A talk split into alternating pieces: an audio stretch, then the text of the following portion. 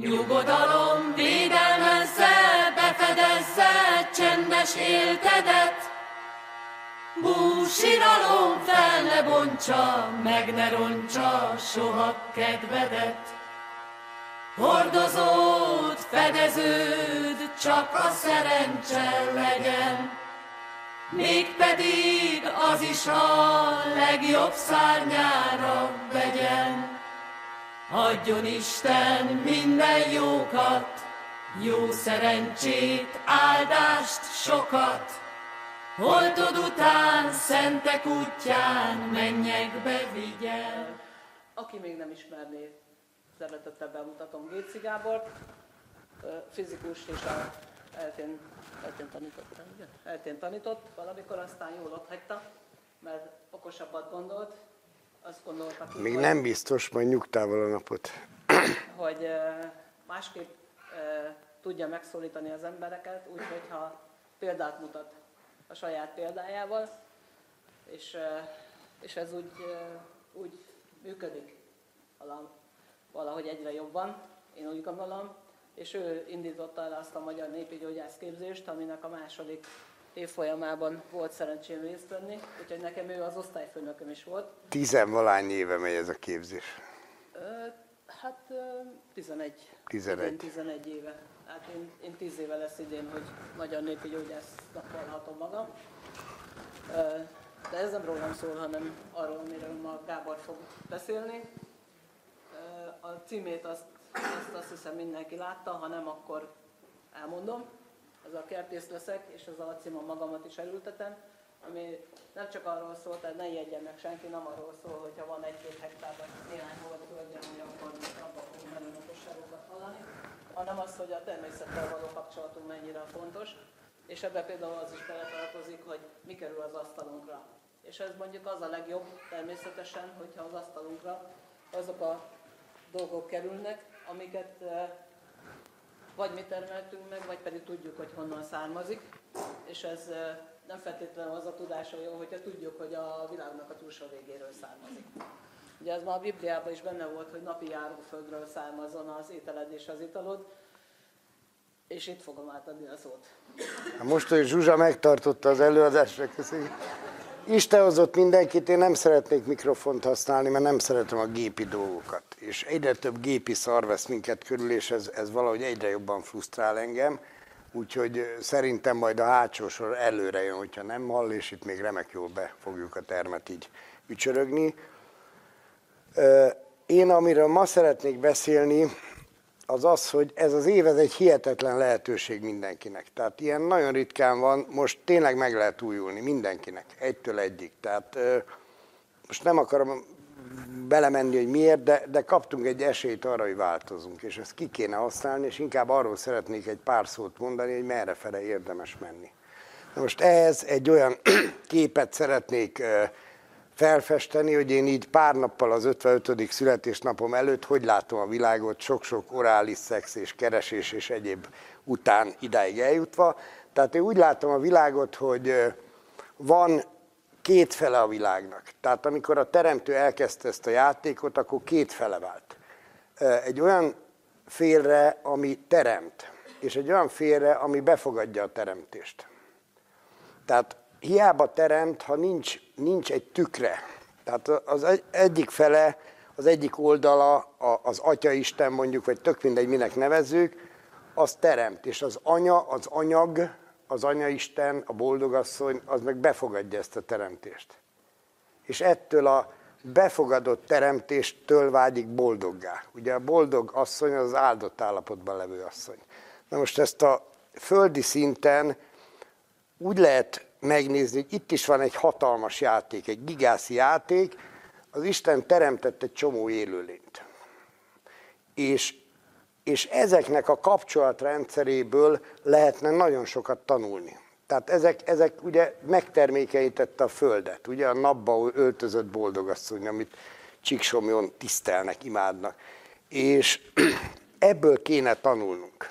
Tehát valahogy itt elénk rakta az atya, tehát minden atyának az a lényege, hogy szeretné, hogyha a gyereke jobb lenne, mint ő. Minden, mindnyájunk, minden szülő ezt érzi, ezt a ezt a késztetést, hogy de jó lenne a fiam többre vinni, és, és, és a lányom szebb lenne, mint én, ügyesebb lenne, okosabb, nem menne bele azokba a hibákba, stb. Tehát én biztos vagyok, hogy a teremtőben is van egy ilyen szándék, hogy azt szeretné, hogy a gyerekei jobban, jobban éljenek, magasabbra jussanak, mint ő. És ezért itt van a teremtés előttünk, hogy így teremtek én. Próbálkoz, utánoz, javíts ki. És ez arra, hogy még javítani is lehet a teremtésen. És erről szeretnék majd egy pár dolgot mondani. És ehelyett mi mit csinálunk? Beülünk egy gipszkarton szarba, és nyomkodjuk a gombokat, az Excel táblákat, töltögetünk tök fölöslegesen. Teljesen fölösleges ez az egész, amit csinálunk.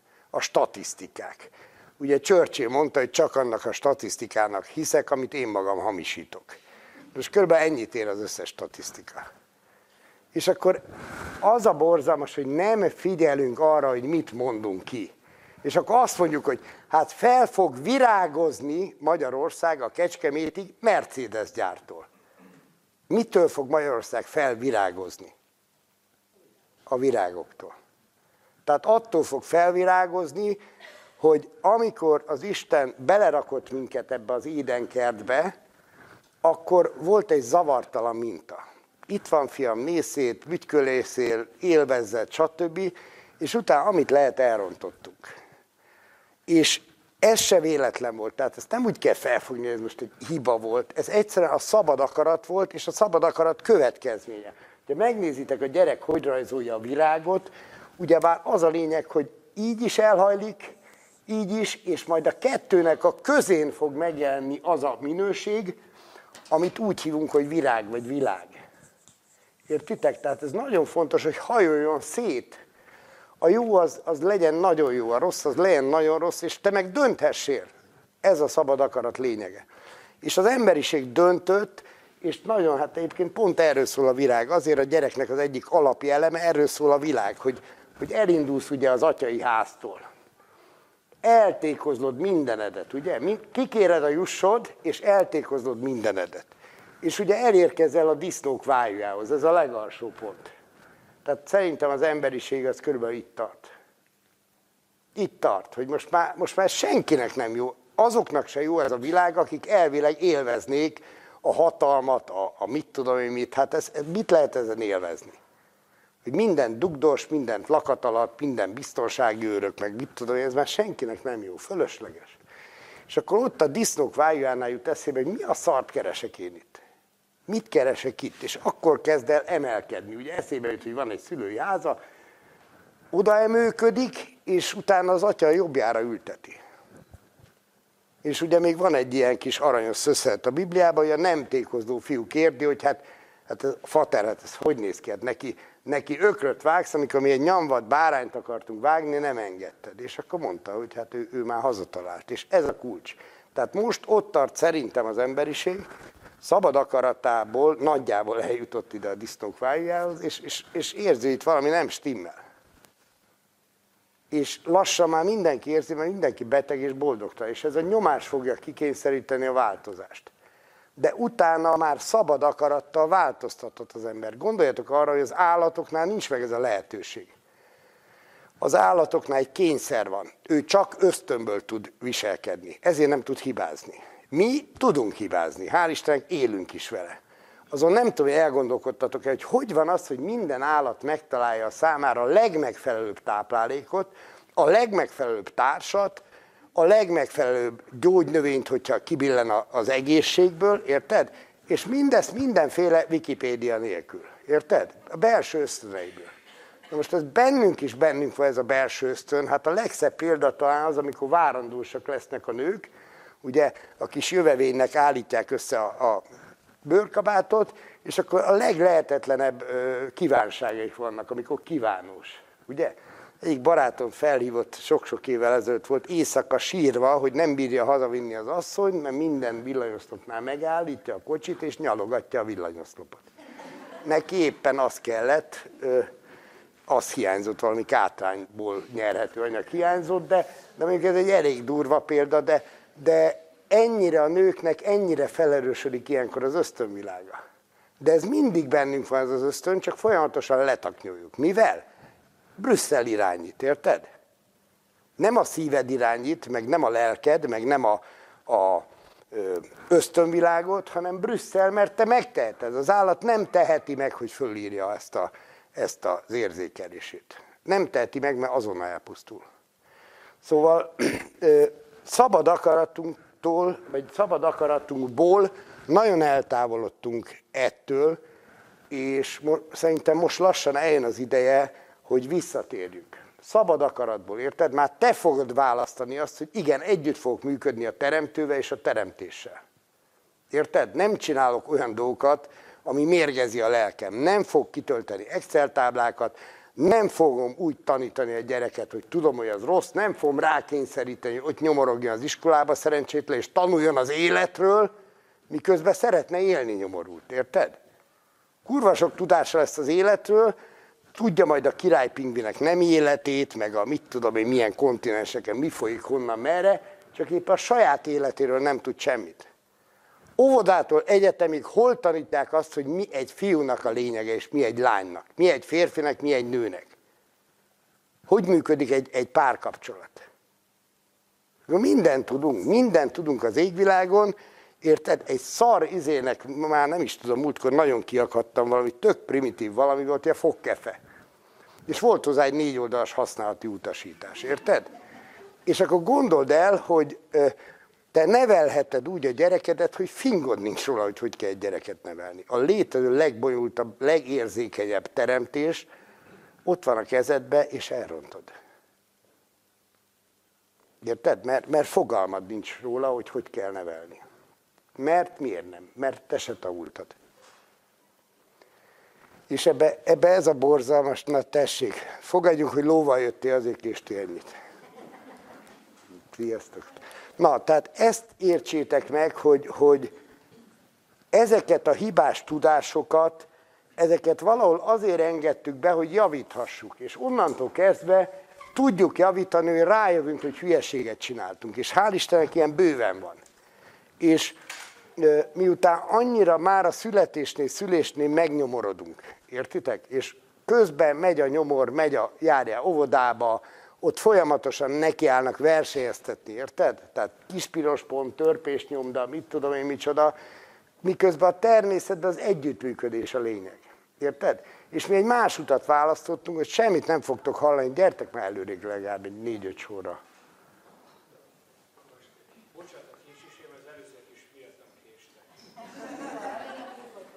Tudod a kavbolyos viccet? Egy. Na, tehát, tehát azt kell megérteni, hogy a szabad akaratunktól, szabad akaratunkból jutottunk el ilyen mélyre, és ezért nem kell sajnálni.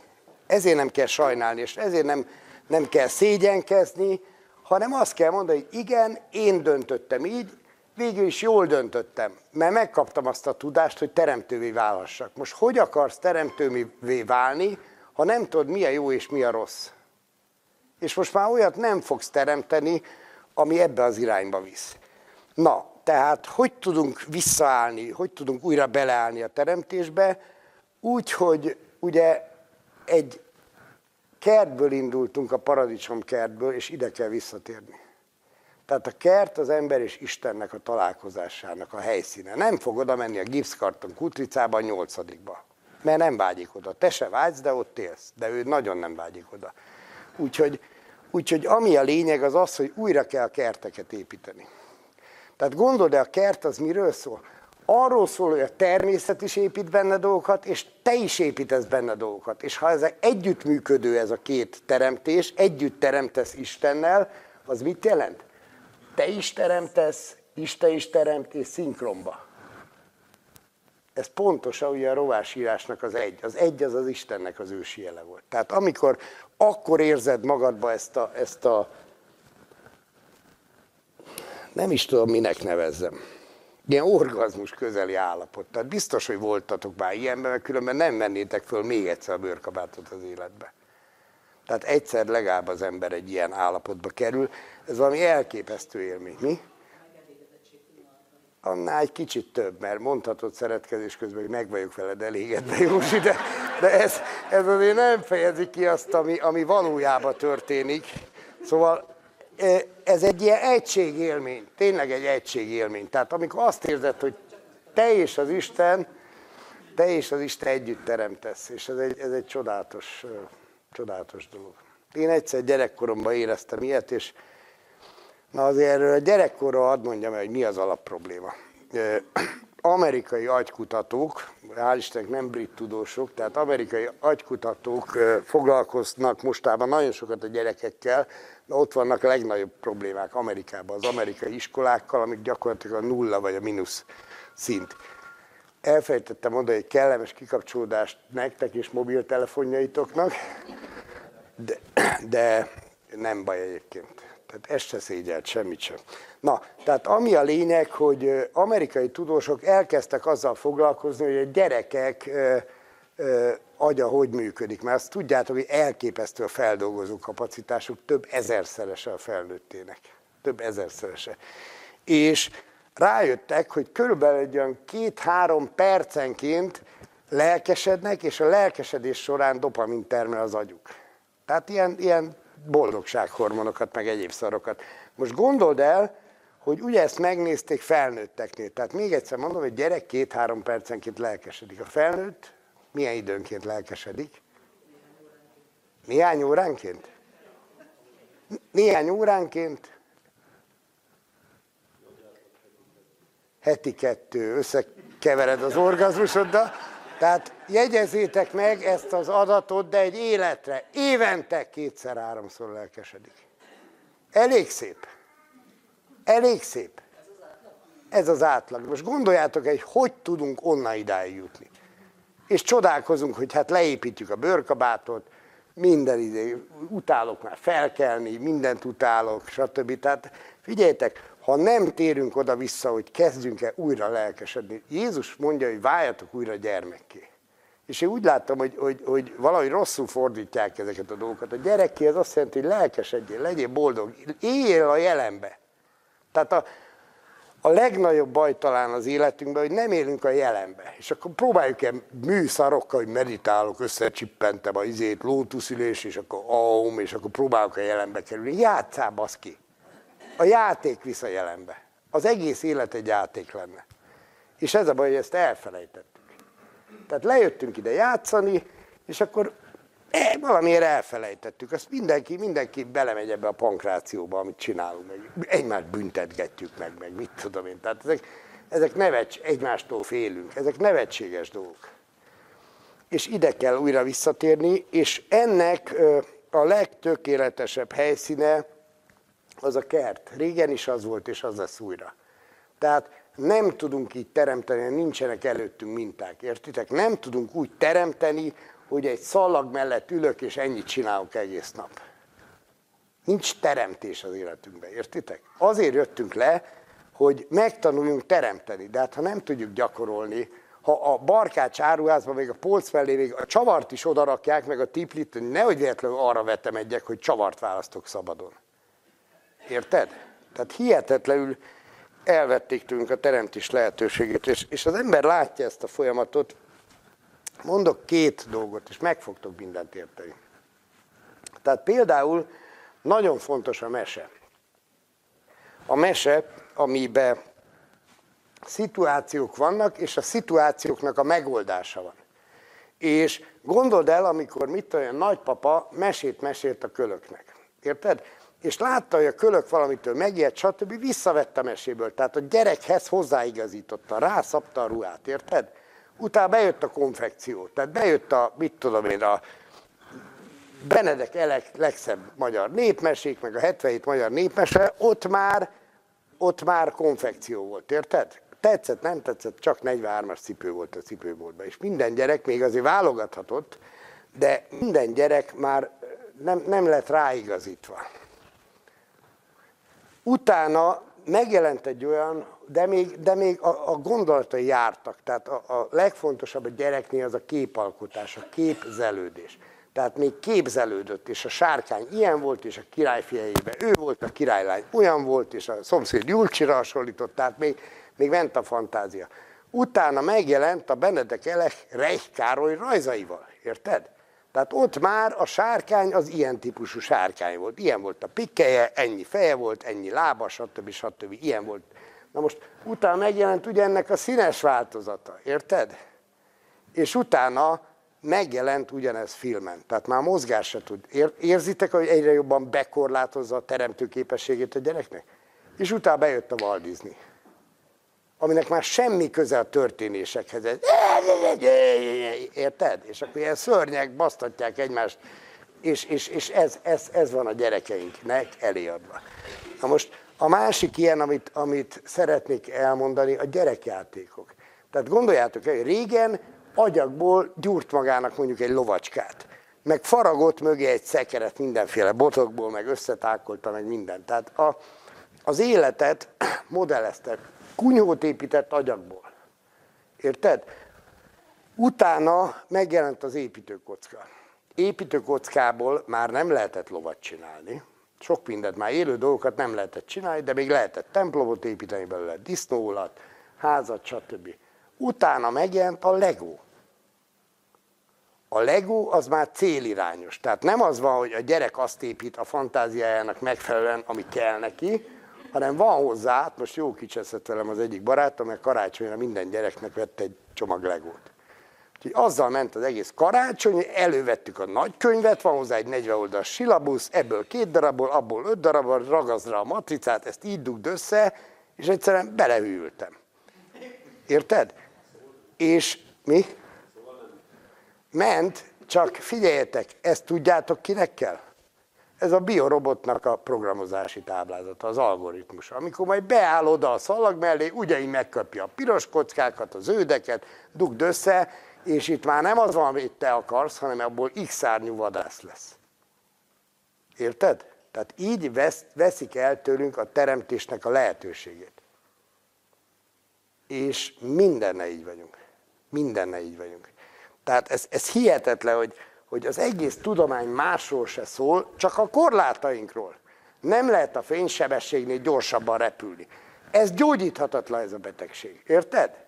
Ezt nem tudod megcsinálni. Miért? Mert kicsi vagy, hülye vagy, még nem tartott az emberiség, és kiherélnek minket. Tehát egyszerűen a teremtés szintjén kiherélnek minket. És a férfiakra pluszba vonatkozik. A férfi lenne a teremtő a családon belül. Az ő teremtését kéne az asszonynak visszatükrözni. De a férfit azt már kierélték a munkahelyén. Tehát így lehet, egy, az ember az egy rendkívül érzékeny lény. Azt úgy lehet tönkretenni, hogy durva dolgokat csinálsz vele, és monoton dolgokat. Monoton, érted? És teljesen mindegy, hogy a monotonitás milyen szintén vagy, érted? Hogy te most egész nap tényleg ezt csinálod, mint a Chaplin filmekben, hogy dugsz össze két alkatrészt a, a szalag mellett, vagy ugye ezt csinálod egy egyetemen. Ugyanezt csinálja az ember egy egyetemen. Teremtési lehetősége nulla. És innen kell valahogy felébredni, innen kell kilépni, de a kulcs a gyerekeinknél van. Tehát mindenki azt várja, hogy változom meg a világ, ugye? Minden legyen happy, szebb, stb. stb. Ha lehet, akkor neki semmit nem ne kelljen csinálni. Tehát a kulcs az ez, hogy, hogy változza a világ, de nekem ne kelljen változni. Figyeljetek, azért tartunk itt, mert lusták vagyunk és gyávák vagyunk. Ez az igazság. Akár tetszik, akár nem. Gondoljátok végig az életeteket, a szüleitek életét. Hányan lázadtunk föl ezzel? Mindenki látja, hogy miről szól. Mindenki látja, hogy nem ez lenne a rendőr dolga, hogy bebújik a 30-as tábla mögé, és akkor basztatja az embereket. De nem az lenne az önkormányzat dolga, hogy, hogy minden szarra engedélyt kérjenek tőle, érted? Tehát minden, amit valaha a saját védelmünkre, munkánk megkönnyebbítésére hoztunk létre, az ma ellenünk fordult. És elfogadtatják velünk, hogy ez a normális. Régen volt a parasztak egy kutyája, amit azért tartott, hogy vigyázzon rá, és vigyázzon a jószágára. És ha nem, ha a gazdát megharapta, ha a jószágot megharapta, vagy egy csirkét elvitt, már akkor is felakasztotta a gazda mert nem a dolgát végezte. A természetben minden a dolgát végzi. Na akkor mondok ilyen kutyákat, jó? NAV. ANTS. Gyerekvédelem. Érted? Amikor gyerekvédelemnek az a fő célja, hogy elvegye a gyereket az anyjától. Hát az a gyerek az nagyon jól tudta, hogy miért ahhoz az anyához ment. Azt akarta megtapasztalni. Nehogy már hangyafaszti eszeddel fölülírt. És mindent fölírunk, ez a borzalmas. Mert mi marhára tudunk mindent, érted? Igaz, hogy semmit nem értünk ebből a világból. Igaz, hogy nyomorgunk, szarul érezzük magunkat, de, de nagy a pofánk. Tehát mindent, mindent tudunk. Hát nekem három diplomában, hogy ne tudnék. Ugye? És sajnos, amíg, amíg ez a minden tudás gőgje bennünk van, addig nem fogjuk látni, nem fogjuk észrevenni a zajba, a zsizsegésbe, hogy hogy működik valójában a világ. Értitek? Elvesztek minták. Elveszett a női minta, hogy mit jelent az, hogy nő. Mit jelent az, hogy egy közösségen belül én vagyok a felelős a növekedésére. A családban én vagyok a felelős a növekedésére. Én vagyok azért felelős, ha alkoholista lesz a, a, a, alkoholista lesz a férjem, én vagyok felelős azért, hogyha a gyerekek nem úgy csinálják a dolgokat, boldogtalanok, stb. Hova lett a női minőség? És akkor jönnek a pótszerek, a szilikoncici, a botox, az ilyen 20 centis karmok. Minek? Minek?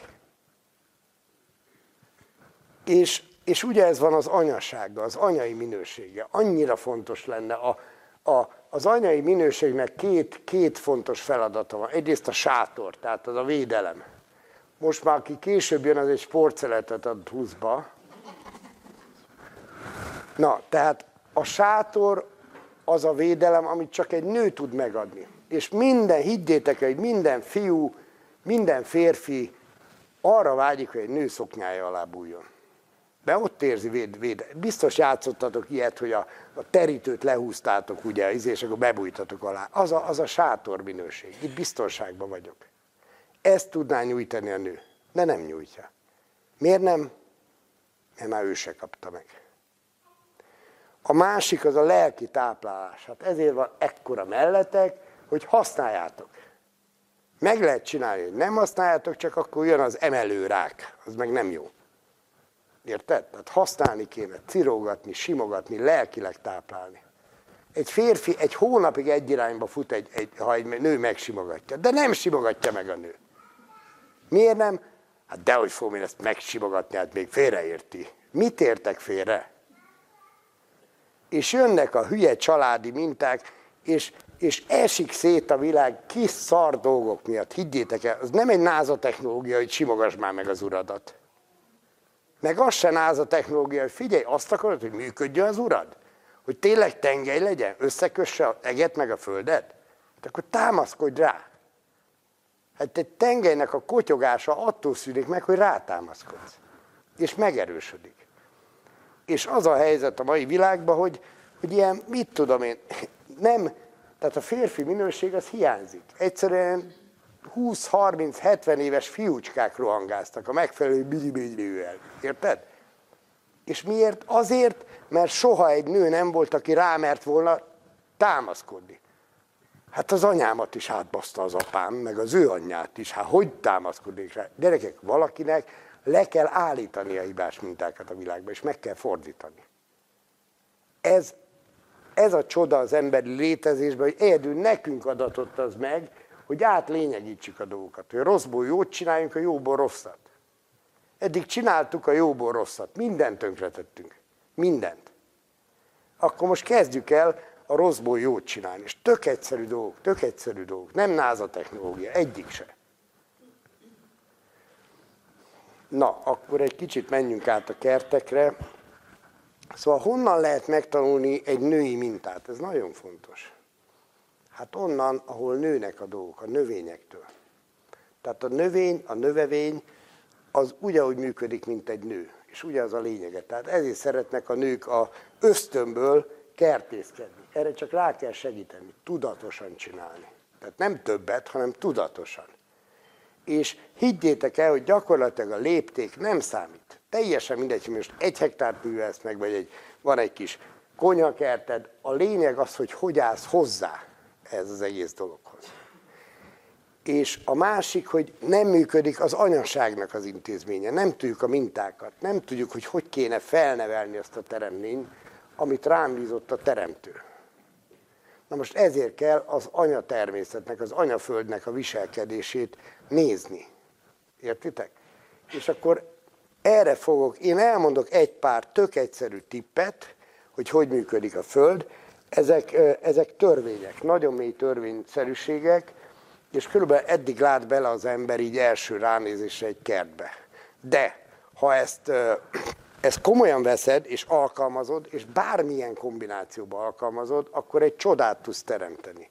És nem kell kapálni, és nem kell egyfolytába gyomlálni, és nem kell permetezni, és nem kell metszer, és nem kell csinálni azt a, azt a borzalmat, amit ma csinálunk, aminek a, a vége egy használhatatlan vacak lesz, és már lassan minden növény ellenünk fordul. Minden növény. Nézzétek, a dohány volt az első, ami az ember ellen fordult. De már ott van a búza is.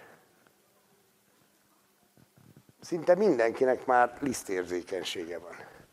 És szépen lassan minden ellenünk fog fordulni. Mert ennek a típusú embernek nincs helye a teremtésben. Mit adsz a Földnek? Legalább a szarodat adnád vissza. De még azt is lehúzod. Minél messzebb távos sántán, ugye? Ott kéne legyen minden állat körbepisili a teritoriumát, és a közepébe odaszarik. Minden állat tudja, hogy kell működni. De most csak egy példát hadd mondjak.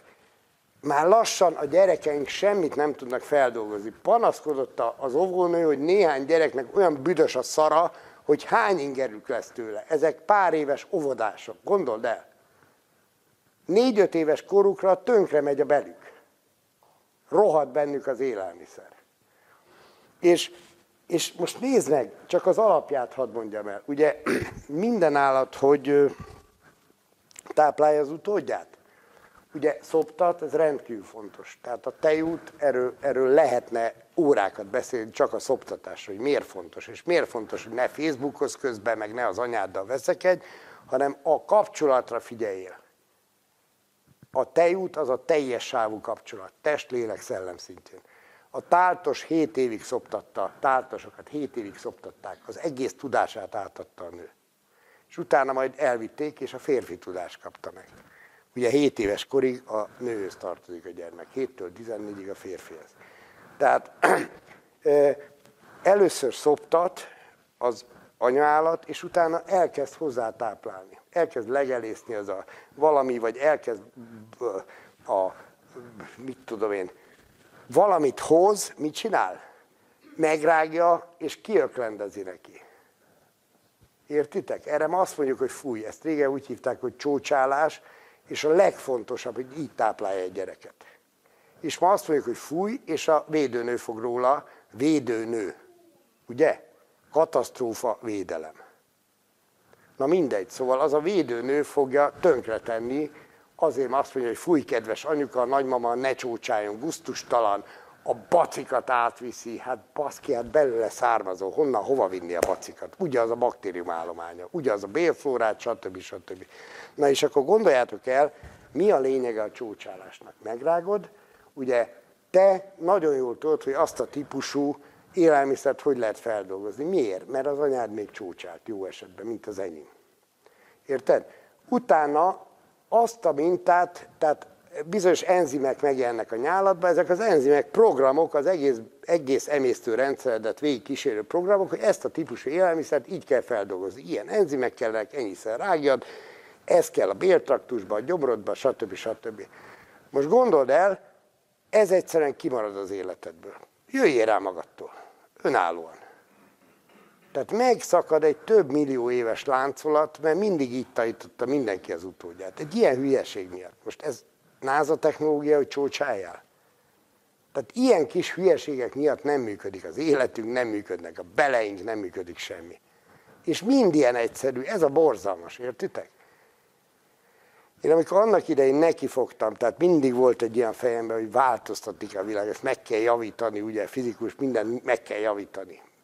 Meg lehet javítani, de nem ilyen nagy dolgokkal, amiket én elképzeltem, ilyen kis egyszerű szarokkal, hogy csócsája a gyereknek. Na, ö, menjünk át, nézzük meg, hogy kéne egy kertnek működni. Rendkívül egyszerű. Hát a kertnek mi a lényege? Benne van nevébe. Hm? Így, de mi van a nevébe?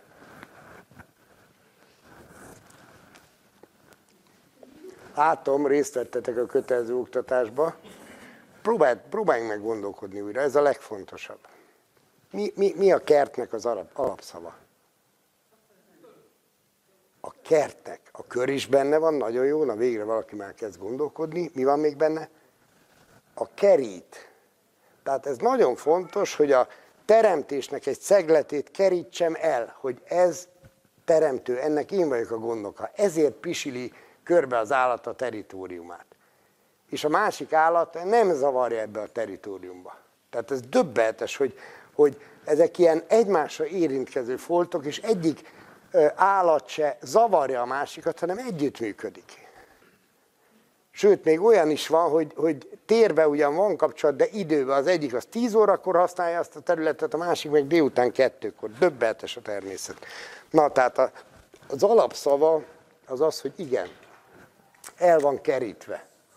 El van kerítve ez a rendszer, és ezen belül egyébként tényleg ez van, hogy megnézitek az állatokat, ugye körbepisili, van egy csodálatos könyv, akit érdekel, ez a Ne féljünk a farkastól. Ezt érdemes elolvasni, egy gyönyörű könyv, egy biológus írta pont ezekről az élményeiről. Körbepisili a területet, és a közepére odaszarik. Miért szarik oda a közepére, szerintetek? Hm? Így van, tehát ez rendkívül fontos, hogy az anya föld, ugye minden anyának az a kötelessége, hogy a legjobb tudása szerint a teremményét azt, azt felnevelje, növelje, nevelje, érted? Az anyaföld az minket egészségbe tartana, ha, és akkor itt jön a ha. Ha azt tennénk, amit a környezetünk ad, és megkapná az információt a környezet, hogy mi a gond, hogy az egészségem hogy áll, hogy működik. És ez annyira durva, mert a Föld az onnan tudja, hogy az ember odaszarik a közepére. És onnantól kezdve a Föld terület, az neki fog teremni. Értitek? Most ezzel, és nézzétek meg az állatokat. Tehát fogja, mi a fenél egy gödröt, kapar egy gödröt, beleszarik, betakarja. Azonnal a humuszba ráadásul, tehát ez a legérzékenyebb része a, a talajnak. És ott vannak a gomba kapcsolatok, a gombák azonnal elkezdik bontani, és a gomba az tényleg, az körülbelül úgy működik, mint az avatárban. Egy hihetetlen internet hálózat, ami, ami az egész környéket bolyongja. Most nem tudom, hogy tudjátok-e, melyik a Föld legnagyobb élőlénye. Egy gomba, egy 600 négyzetkilométeres gomba. Egyetlen egy gomba. Semmit nem tudunk a gombákról, ez valahogy kimarad. Vannak a növények, vannak az állatok, és ami összekapcsolja a kettőt, ugye mi belgák hova álljunk. Tehát megint ez a vagylagosság nagyon-nagyon fontos a gomba kapcsolat. Tehát az a lényeg, hogy abban a pillanatban, hogy odaszartál, elkezdi a Föld analizálni, hogy na, mi baja van Gabikámnak.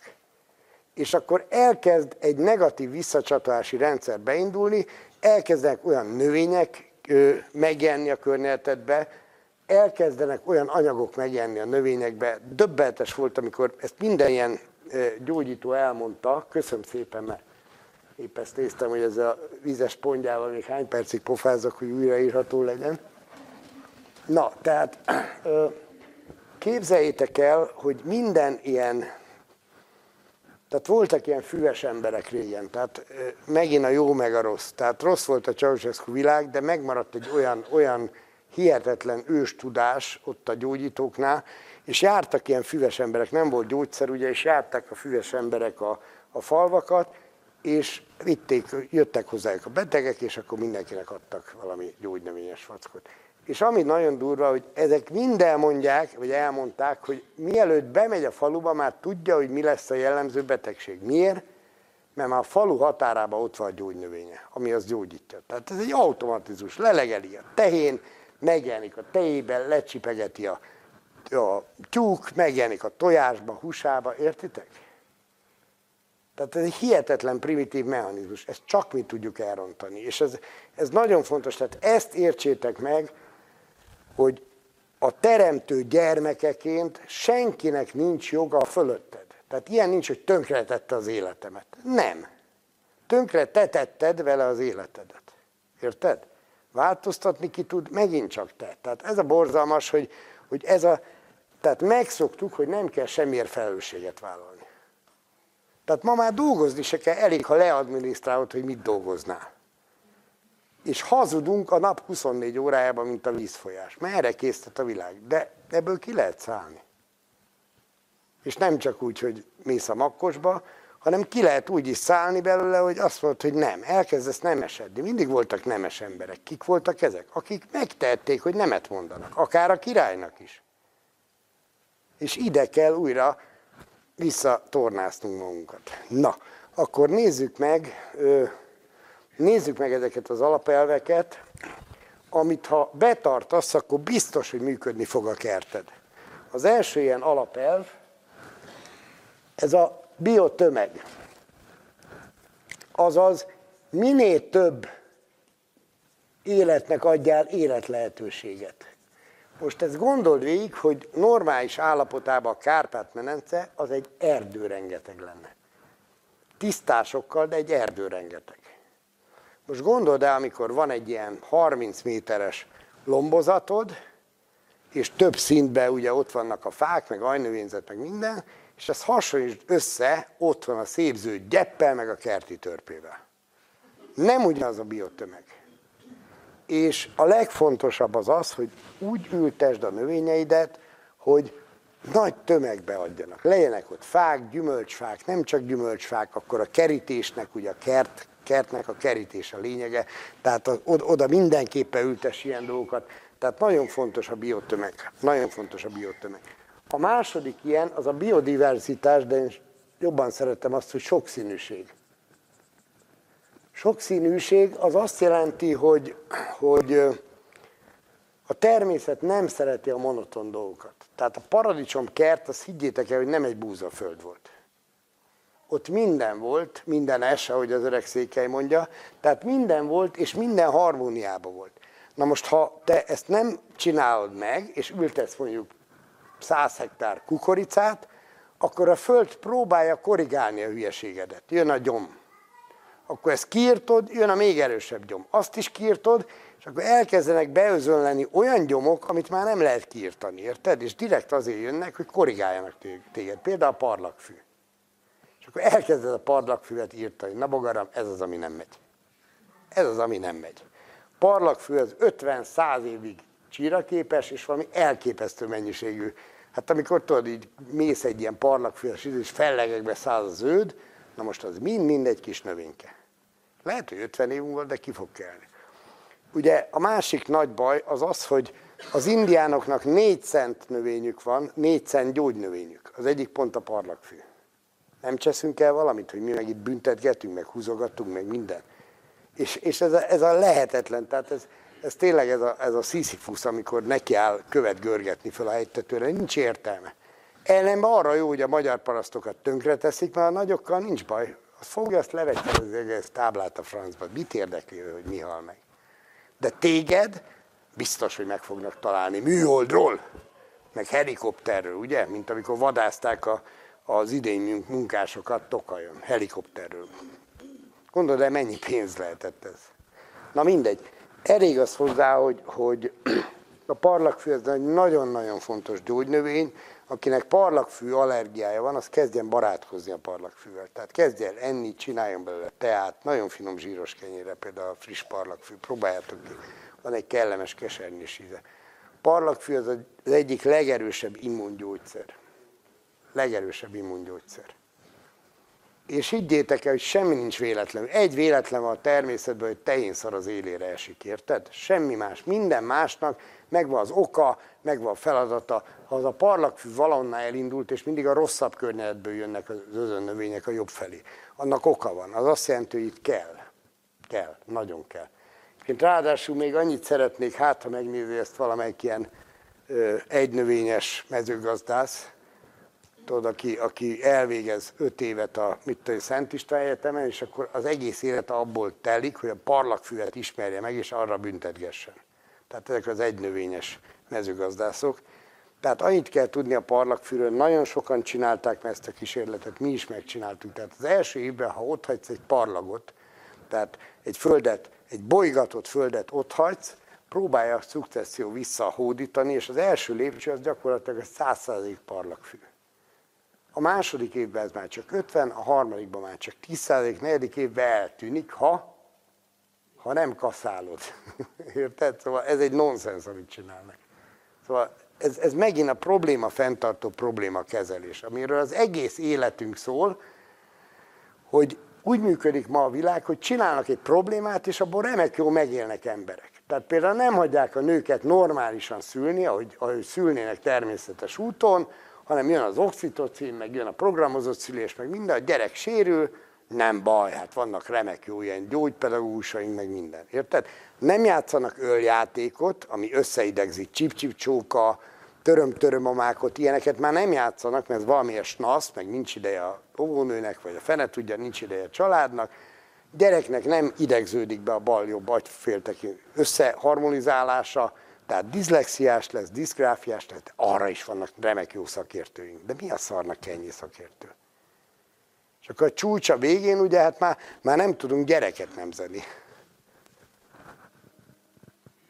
És akkor, akkor jön a izé, Alendelons viccet gondolom a férfiak ismerik, azt nem mondom el, de az a lényeg, hogy akkor erre is van egy mókus, aki majd besegít, érted? De hát ez, ez, ezek nem normális dolgok.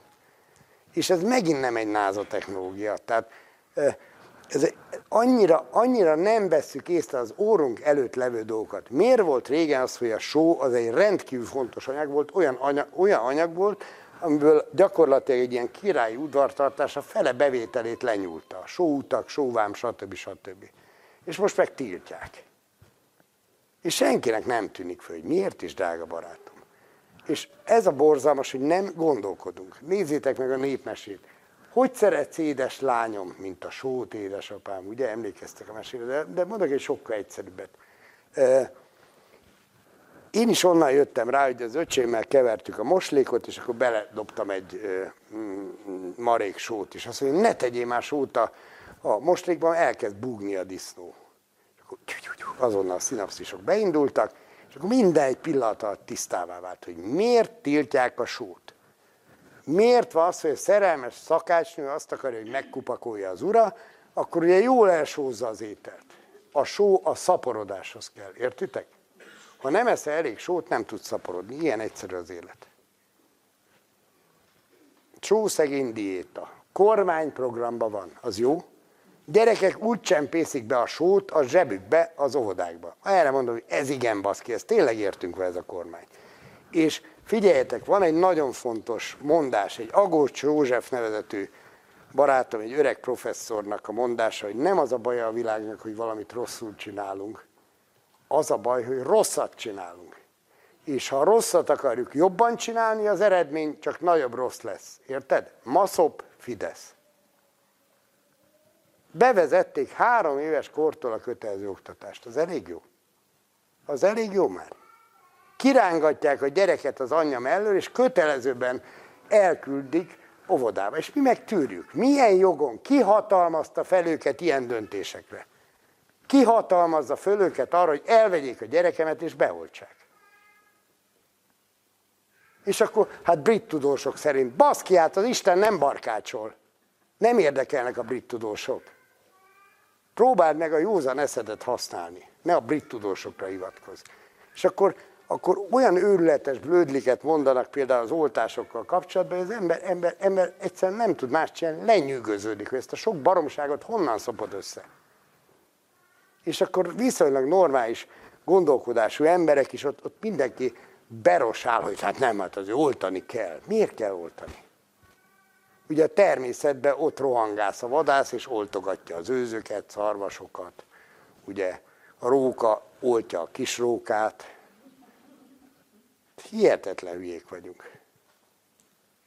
Na mindegy, nem erről akartam beszélni, elnézést. Tehát a sokszínűség az egy rendkívül fontos. Ez azért fontos, mert ha te eleve biodiverzitást ültetsz, tehát nem egy növényt, hanem legalább hármat. Nézzétek meg, volt egy kurva jó módszer a mezőgazdaságban, úgy hívták, hogy a három nővér. Tök, bab, kukorica. Tök, bab, kukorica. Na most képzeld el, ugye beültették a, a kukoricának a sorába a babot, és a sor közökbe a tököt. És gondoljátok el, hogy így egy hektár földről annyi babot szedtél le, mintha lett volna egy hektár babod, annyi kukoricát, mintha lett volna egy hektár kukoricát, és annyi tököt, mint hogyha lett volna egy hektár tököt. Három hektárnyi élelmet szedtél le róla. Miért? Mert ezek együttműködtek, ezek a rendszerek. Érted? De most ezért fontos a biodiverzitás. És ha te eleve olyan rendszereket ül, ö, hozol össze, amiben sokszínűség van, akkor nem fog a termék. Fontos, hogy, hogy eleve, de még azt se csinált, hogy egy cserébe egyfajta növény van. Tehát egész picibe is megcsináltod, egy cserébe legyen három-négy növény legalább. Érted? És ráadásul lehet, akkor minél távolabbiak legyenek egymástól, mármint hogy genetikailag. Na, aztán harmadik, az egy nagyon fontos, az a több szintűség, több szint. Ez azt jelenti, hogy legalább három-négy szint. Na most ez már ennél a kukorica tök bab játéknál is működik. A kukoricának hihetetlenül hosszú gyökere van. Tehát én meglepődtem, ugye volt feleségem, az a Szent István Egyetemen tanított, és akkor megyek be, föl van akasztva egy növény ott az aulában legfelső szinte, és a gyökere négy emelet mélyen végződik. Kimosták egy kukoricának a gyökérzetét. Tehát mi, mi a játék lényege? Ennek nagyon mély a gyökérzete, és fölhúzza mondjuk a babnak, aminek sekély a gyökérzete, fölhúzza a babig a vizet. Utána az fölhúzza a tökig a vizet, aminek már megint ilyen szar. Értitek? Tehát nagyon fontos a, a, a különböző szintek. Tehát ha egy erdőben nincs legalább három-négy szint, az nem erdő. Ez a baj ezekkel a 620-as nyárfa erdőkkel, tudod, hogy várja a róka a 620-as nyulat, tehát ezek nem működő erdők. És hiába van látszólag erdő Magyarország egy részén, ezek nem valódi erdők, és nem működnek erdőként. Tehát például az erdőhöz nagyon fontos az, hogy legyen lencse alakú. Tehát itt vannak a magas fák, és ahogy a cserék, alacsonyabb cserék, magas fű-fű, érted? És ez részben azért kell, mert átfúj fölötte a szél, és nem tudja kiszárítani, részben pedig azért, mert, mert egyszerűen ez egy hihetetlenül stabil, energetikailag is egy nagyon stabil forma. És ha nem ilyen az erdő, és nincsenek benne különböző szintek, akkor nem fog erdőként működni. Tehát ezekre oda kéne figyelni. Tehát ez a többszintűség, bármit csinálsz, tehát már, már kezd körvázódni, hogy ez, ez nyilván valami ehető erdőrendszer lesz. Érted? Amiben van gyümölcsfa, van valami kis tűzifa vagy haszonfa, vannak benne cserjék, vannak benne bokrok, van benne ribizli, van benne málna, van benne eper, van benne szamút, vagy izé, mi a fene, cukkini, van benne karalábé, tehát, tehát egy ilyen rendkívül vegyes valamit. És minél vegyesebb, annál stabilabb lesz. És annál kevesebbet kell gyomlálni. Mert gyom az akkor van, amikor a, a természet korrigálja a hülyeségedet. Ha minél kevesebb hülyeséget csinálsz, annál kevesebbet kell dolgozni.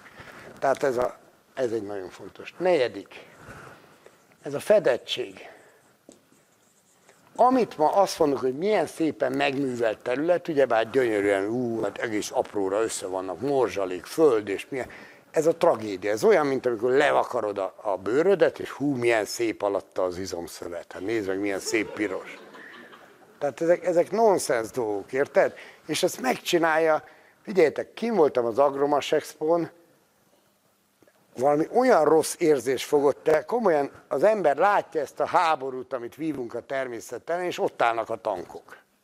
És nagy büszkén dicsérik, hát az meg eltörpülek a kereke alatt a traktornak. Utoljára, mikor katona voltam, akkor voltak ilyen járművek, hogy egyszerűen itt, itt állt a kereke. Háborút vívunk a természet ellen, és az Agromas Expo büszkén mutatják a tankokat, a rakétákat, a repülőket. Ez borzalmas. Na, tehát ez, amit az ember azzal csinál, hogy szánt, egyszer nem próbáltam, ö, próbáltam kép, képeket alkotni arra, hogy hogy cseszhette így az emberiség, hogy elkezdett szántani. Egyszerűen nem értem. Nem tudom fölfogni, mert mi volt régen, nem tudom, biztos láttatok múzeumokban ilyen ásóbotot. Az ásóbotnak az a dolga, hogy megkarcolja a földet, csinálj mondjuk ekkora barázdát, mint ez.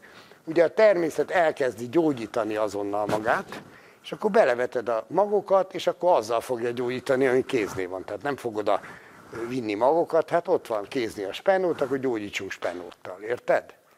Na most ehhez képest, mert úgy működik a földi, vagy a, a talajok úgy működnek nagyon röviden, Kökény Attila, Kökény Attila, majd ráfigyeljetek, nem az énekes, hanem a normális, Kökény Attila, Kökény Attila, ő nagyon érdekes, minden ilyen ö, ö, ember, aki úgy előre viszi a tudományt, az nem tudós.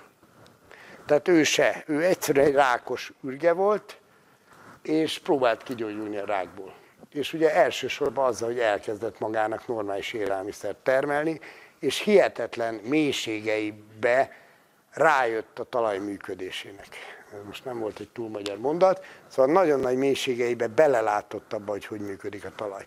Na most képzeljétek el, amit tudunk a talajról, az az, hogy van egy olyan réteg, aminek az a dolga, hogy oxigén segítségével, tehát lélegzik, lélegzik. Tehát az a dolga, hogy lélegző élőlények élnek itt.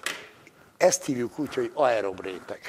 És ezért mindent megtesz a természet. Tehát nézd meg, csinálnak a giliszták, vagy a, a mi a fene giliszták szellőztető járatokat, ezt képzeljétek, ez két méter mélyen mindent átfúrnak a giliszták.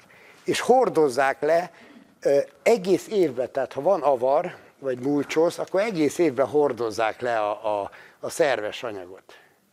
És ugye végig telepítik egy ilyen gombás nyálkával a, a, a izét, ők onnan zabálnak az alagútnak a faláról, akkor amit szarnak, az kiteszik ilyen kis kupacokba, biztos láttatok ilyen izét, gilisztaszart.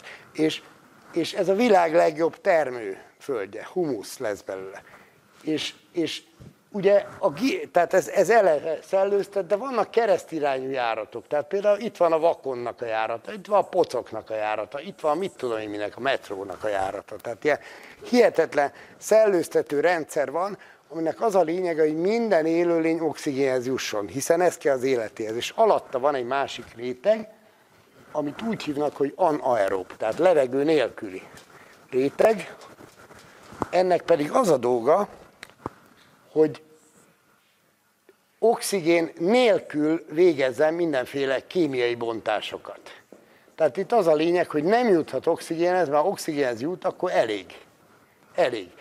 És a két réteg között vannak tulajdonképpen a gombák. Ez megint megérne egy misét, tehát ezt a két, a gomba az minden minden összeköt, az a Jolly Joker.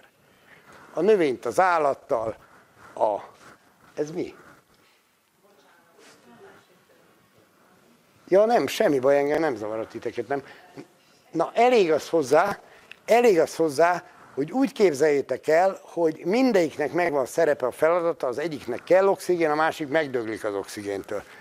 Jön az ember, a minden tudás egyetemével felvértezve, és ezt az egészet egy elegáns mozdulattal egy ilyen spakliszerű szarral fölborítja. Ő most szánt. Érted? És megkérdezni az ember, hogy miért is szántasz? Hát mert a szomszéd is szánt. Érted? Szóval ez a borzalmas, hogy nem tudnak rá racionális ö, érvet felhozni. Mert nem lesz jobb a talaj tőle, ugye és a következő történik. Ez lemegy ide és megfullad. Ez feljön ide és elég. És ezt minden évben megcsinálod legalább egyszer. Érted? És nagyon durva, ugye fizikust arra kondicionálták annak idején, sok-sok évig munkájával, hogy egy logikai rendszerbe vegye észre a hibákat. Na most, amikor nekem először mondták, hogy a kipufogó, tehát az autó kipufogója okozza a globális felmelegedést, én elkezdtem vakargatni a fejem, de hát kurva egyszerű számoljátok ki. Vagyunk 7 milliárdan, mindenkinek legyen egy kocsia. Nem jut ennyi, de legyen. Számolt ki a azt, hogy mondjuk le, menjen egész nap az autóval, jó? Legyünk optimisták, természetesen szarni se áll meg, megy egész nap az autó, jó? Számoljátok ki, hogy mennyi e, széndiokszid kerül a légkörbe, és meg fogtok döbbenni. Szinte semmi. Ellenben ez tonna számra viszi, tonna számra viszi a szenet. Ugyanis ami elég, az mind-mind légkörbe kerül. Ezt csinálja a globális felmelegedést. Megint mellé nyúltunk. És akkor most már azért van egy-két értelmes ember, aki kapizsgálja, hogy hát tudjátok, van erre egy jó vicc, na mindegy, nem mondom el. Az a 12. variumáig billeg, aki így ismeri a férfiak közül. Na mindegy. Ami a lényege, hogy most már érzik, hogy billeg a dolog, tehát ezt nem lehet sokáig tartani, úgyhogy most van egy új elmélet, hogy miből van a széndiokszid kibocsátása, légköri felmelegedés, stb. Miből van? A tehénfinkből, gyerekek, a tehénfinkből. És ezt hót komoly tudósok előadják, hogy ne együnk bizteket, mert akkor a tehénfinktől globális felmelegedés lesz. És akkor megkérdezi az ember ezt a sok birkát, hogy figyelj már rám, ott véletlenül, ahol most tején van, nem értek régen szarvasok, őzek, amiket kiirtottunk, azok nem finktak-e, stb. Vagy, vagy most szereljünk izé ilyen katalizátort minden tején seggére. Tehát borzalmas. Szóval egyszerűen néha az ember elgondolkodik rajta, hogy ho, hova tűnt a józan parasztész. És akkor oda tűnt, hogy nincsenek parasztok. Nincsenek parasztok. Vannak gépész vegyészek, akik egész nap azon gondolkodnak, hogy milyen méreggel permetezik a földet, meg hogy tegyék tönkre. És ezért még támogat is az EU. Ebbe ez a szép. Na mindegy, szóval ezt azonnal be kell fejezni, a szántást, és nagyon fontos, hogy ne legyen levakarva a bőr. Mindig valami takarja a földet. Tehát ezt régen is megoldották, mert például, mit tudom én, zabot meg lucernát vetettek együtt, ugye? Levágták a zabot, és utána kicsattant a, alul a lucerna. Tehát olyan növénytársításokat is lehet csinálni, és nem is túl bonyolult módon, hogy mindig legyen valami zöld a teremtésben, mindig takarva legyen a föld. És például mondok egy másik embert, őt úgy hívják, hogy Gyulai Iván, próbálom színessé tenni az előadást. Gyulai Iván, ő is nagyon fontos, ő egy olyan módszert fejlesztett ki, aminek az a neve, hogy mély mulcs, mély mulcs. És itt is az van, hogy folyamatosan takarva van a felszín. Tehát úgy képzeld el, hogy ide ilyen trágyás szalmát rak, de elég nagy, tehát legalább egy ilyen 40-50 centi magasságban és a szépen, ugye az alja az folyton, folyton viszi le a giliszta, meg a rákok eszik, meg mindent, tehát foly, folyton húsz lesz belőle, és folyton takarva van a föld. Tehát nem az van, 42 fok fölött minden fehérje szétesik. Most amikor így van a föld, csupaszon, csórén, ugye levágták, ezt. ez is nonsens, hogy 12 hónapból áll egy év. És miért kettő-három az, amin vegetáció? Utána szépen felszántjuk. Aztán még egyszer felszántjuk, hogy meg ne büntessenek parlagfűbírságért. Aztán még egyszer, még, annyira nonsens, amit csinálunk. És az a, az a lényeg, hogy ilyenkor a föld ki van takarva, szárad, hihetetlen mennyiségű víz, vizet veszít, és utána visítozunk, hogy hát támogassa az állam az öntözést. Gyerekek, ezt már játszották Egyiptomba, meg Mezopotámiában, most ott sivatag van, biztos, hogy ezt akarjátok? De hát kormányprogram van rá, akkor jó akkor jó, akkor nincs semmi baj. Egyébként Agócs József mondásának azért hadd mondjam a másik részét, ha elkezdünk végre jót csinálni, akár rosszul is, az eredmény csak jó lehet. Érted? És ezt kell megcsinálni kicsiben. Mindenki csinálja meg a kertjébe, és nem baj, ha elkúrja, és nem baj, ha nem újjon be, nem baj, ha elgazasodik, nem baj, de rosszat ne csinálja. Ne szánts, ne vegyszerez. Próbálkozzál és előbb-utóbb gyönyörű kert fog kijönni belőle. Na, tehát ami a lényeg, hogy amikor lemulcsolod, akkor nincs ez a szélsőség, hogy mínusz 20 fok van télen, és minden kifagy belőle, és plusz 50 fok van nyáron, és minden kisül belőle. Hanem folyamatosan élet van. Gondolod, de ha le van most mulcsolva a kerted, akkor egész télen hordja a giliszta. Nem idénymunkás lesz, mert ott még így is tizenvalány fok van, tehát tudja húzni, tudja húzni lefele a földbe. Gyönyörű, és, és tavasz egy gyönyörű, porhanyós televény lesz. És abba lehet ültetni. Szóval neki nagyon sok módszere van erre a mélymúlcsra, ezt is érdemes megnézni. Én amiért egészen, igen, tehát ez a negyedik, és akkor még egyet szeretnék felsorolni, tehát mindig legyen fedett a föld, mindig legyen valami beleültetve, mindig legyen zöld. És télen is hagyd ott a zavart. De hát az csúnya. Miért csúnya? Hát az erdő csúnya, amikor ott van az a gyönyörű avarszőnye. De hát a szomszéd összesöpri, és, és leadja a zöld zacskóba. Hát ha hülye vagy, akkor csináld. De egyet értsetek meg, hogy a fa az azért szórja maga alá a zavart, mert nagyon fontos neki, hogy újra visszaforgassa azt a táplálékot. Ha te ellopod tőle a zöld zacskóval, hát ez döbbenetes volt. Régen azt csináltuk, hogy a faluba kaptunk a polgármestertől egy tanknyi benzére pénzt, és összegyűjtöttük a faluból a zöld hulladékot, kivittük Magfalvára, és ebből csináltuk a múlt sorokot, amiben a fákat ültettük. De hál' Istennek megoldották EU-s pénzből, ugye a nagyok, a zöld hulladékkezelést, úgyhogy elviszik ki zacskóba, mindössze 100 kilométerre tőlünk a humuszt, vagy a izét, tehát a, a faleveleket. Tehát 100 kilométerre elviszik Kecskemétre, ott komposztálják, és pénzért visszakapja a falu. Értitek? És akkor próbáltunk belenyúlni, hogy hát nem -e lehetne, hát mégis évekig így csináltak. Nem, az hulladék. Hulladékgazdálkodási törvény, ilyen telephelyet kell csinálni, olyan izét, egészségügyi méréseket, mit tudom én, és már is ott vagy 20-30-50 millió forintnál. Azért, hogy a saját faleveled visszakapt. Úgyhogy most súlyomba hordják ki hozzánk, de, de, de csak ennyit szeretnék mondani, hogy ennyire életellenes ez a mai világ és a mai törvények. És akkor aki meghozza, az csak annyit mondja, hogy hát nekem ez a dolgom. Érted? És hol a felelősséget, bogaram? Az életet szolgáld, vagy a halált? Mert nem lehet egyszerre két urat szolgálni, és ezt, ezt lassan mindenkinek meg kell tanulni. Az önkormányzatoknál is, a hatóságoknál is csináltod, csináltod, de büntetlenül nem. Mert a világegyetem legmélyebb összefüggés rendszer az a forrástörvény. Hogy amit te kibocsájtottál, amit teremtettél, az mindenképpen vissza fog térni hozzád. Ezt nem lehet megúszni. És ha egész életedben életellenes dolgokat teremtetsz, és élősködsz a Földön, akkor nem lesz életed, és te leszel élősködőkkel. Ma minden második emberben hemzsegnek az élősködők. Ez nagyon brutális, ami van. Most ne, nem akarok megint a józan paraszti észre appellálni, hogy mi kell ahhoz, hogy egy állat egészségbe éljen. Friss takarmány, friss ivóvíz, só igény szerint, és féregírtás legalább fél évente. Ugye ennyi kéne, hogy egészségben maradjunk. Hát de az az állatra vonatkozik. Ja, bocs, akkor nem szóltam egy szót se. Érted? És leélünk úgy egy életet, hogy tele vagyunk májférgekkel, jobb esetben szívférgekkel, amik majd infarktus okoznak, stb. stb. Beszélgessetek el egy boncolóval, vagy boncmesterre. Nagyon durva.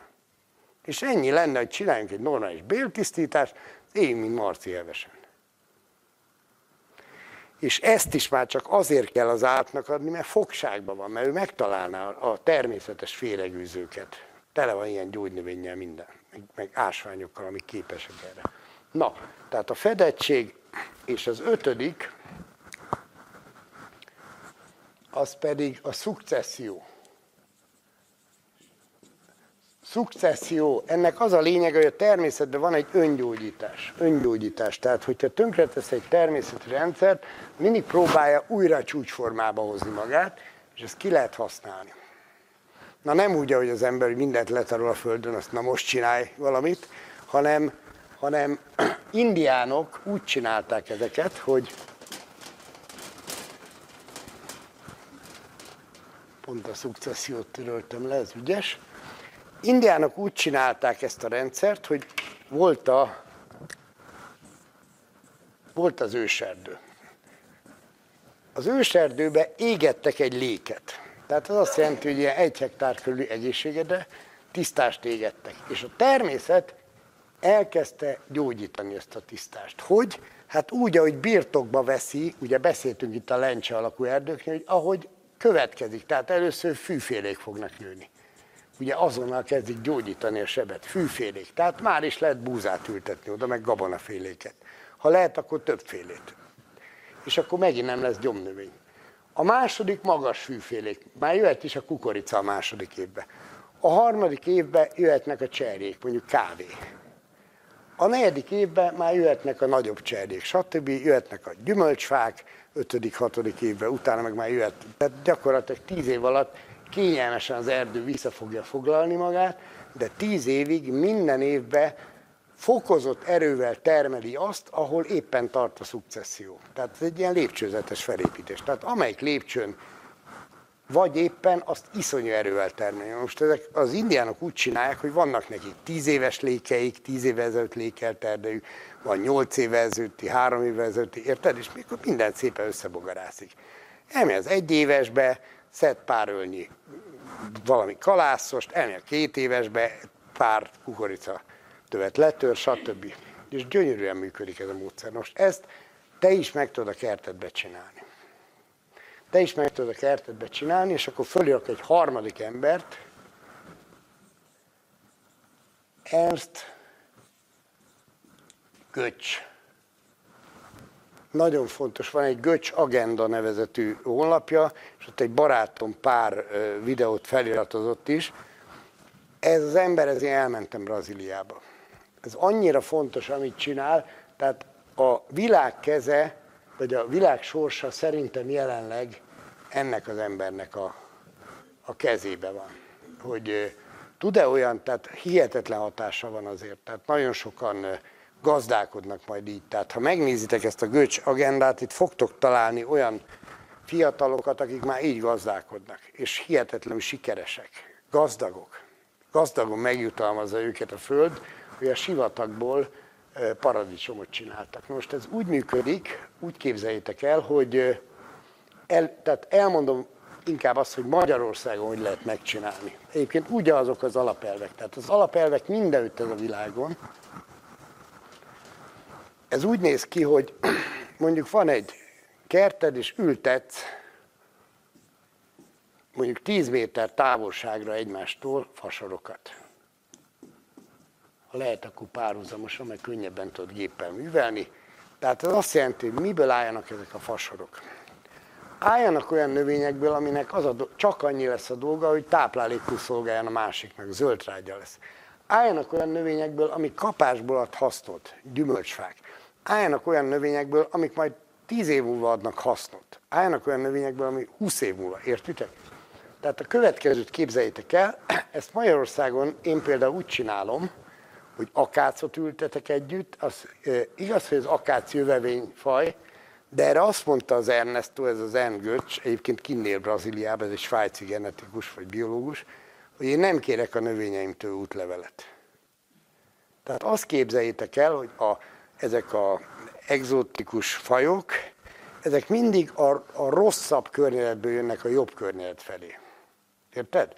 És pont azért, hogy segítsenek, hogy nehogy itt is rosszabb környezet legyen. Tehát az akác, meg a nyár, én ezeket ültetem így, és akkor közé lehet ültetni gyümölcsfát. Barackot, szilvát, amihez kedvetek van. És ezt jó sűrű. Miért? Mert majd, majd megritkítom, ha eljön az ideje.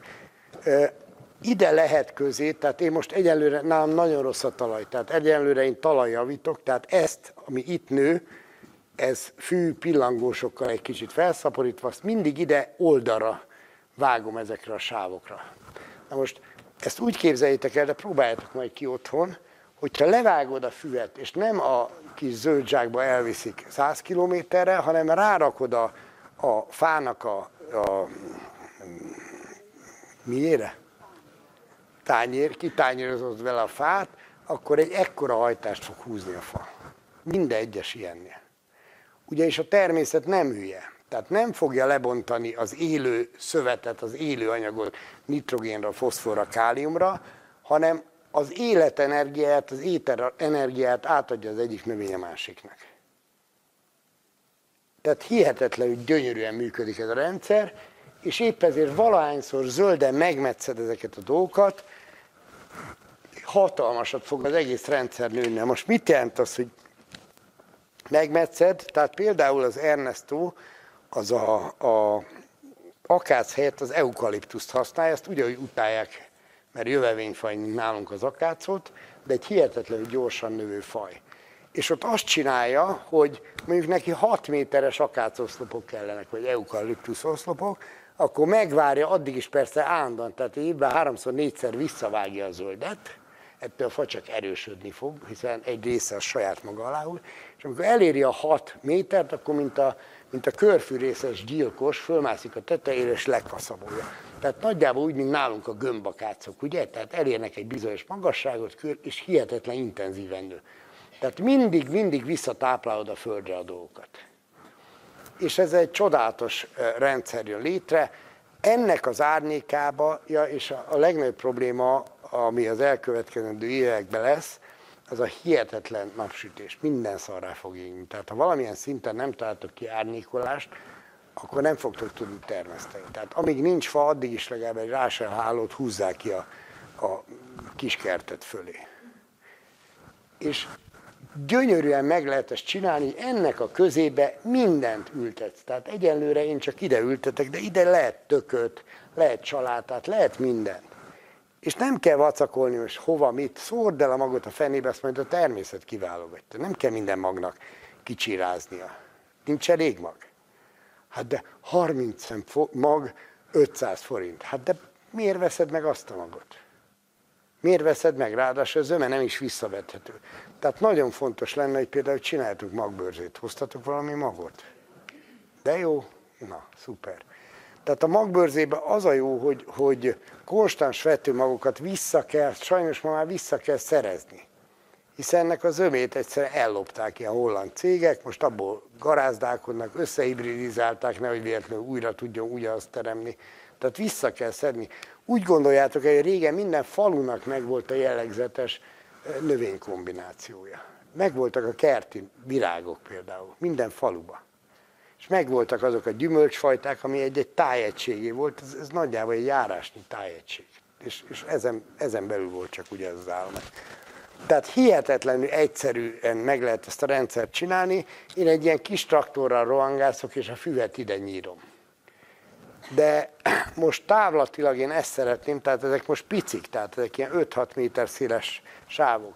De én azt szeretném csinálni távlatilag, hogy 50-60 méter széles sávot csinálni, egyszerűen amiatt, mert már a búzának nincs tápértéke, ellenünk fordult. Miért fordult ellenünk? Mert monokultúrába több száz év óta termeljük, és ráadásul most már nem úgy, mint régen, volt egy, volt egy nadrágszíj parcell, amire jövőre már tököt ültettél, meg pihentetted a földet, hanem ugyanazt vetett bele száz hektárba, és évekig. És mit tud csinálni szerencsétlen? Hát a többi elől tudja elhalászni az anyagokat, amik, amik értékek lennének benne, belőle. Nincs benne érték.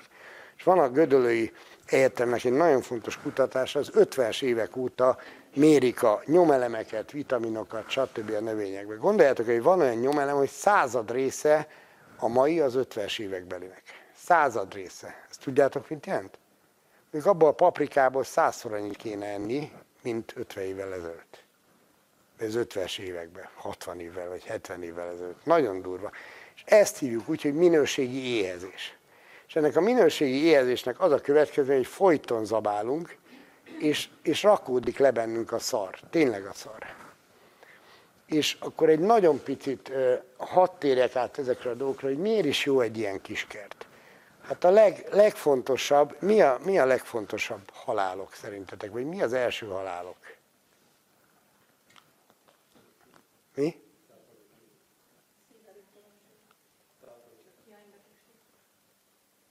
Hiánybetegségek közül mi a legfontosabb? A mozgáshiány gyerekek nem mozgunk. Döbbenet. Hát figyeljetek, ha nem mozgunk, akkor minek vagyunk, érted? Tehát az élet az maga a mozgás. És most gondold el, hogy létrehozott az evolúció, vagy az Isten, vagy tök mindegy, minek nevezzük, egy olyan bőrkabátot, aminek a lényege a futás. Tehát az ember a leggyorsabban futó állat, bármilyen állatot utolér. Tehát nem sprintbe, mert nyilván a vadászgepárd jobb nálunk, de az ember napokig tud futni. Tud ott futni, igaz? Most gondold el, van egy ilyen járműved, ami, ami erre szolgál, és te nem használod.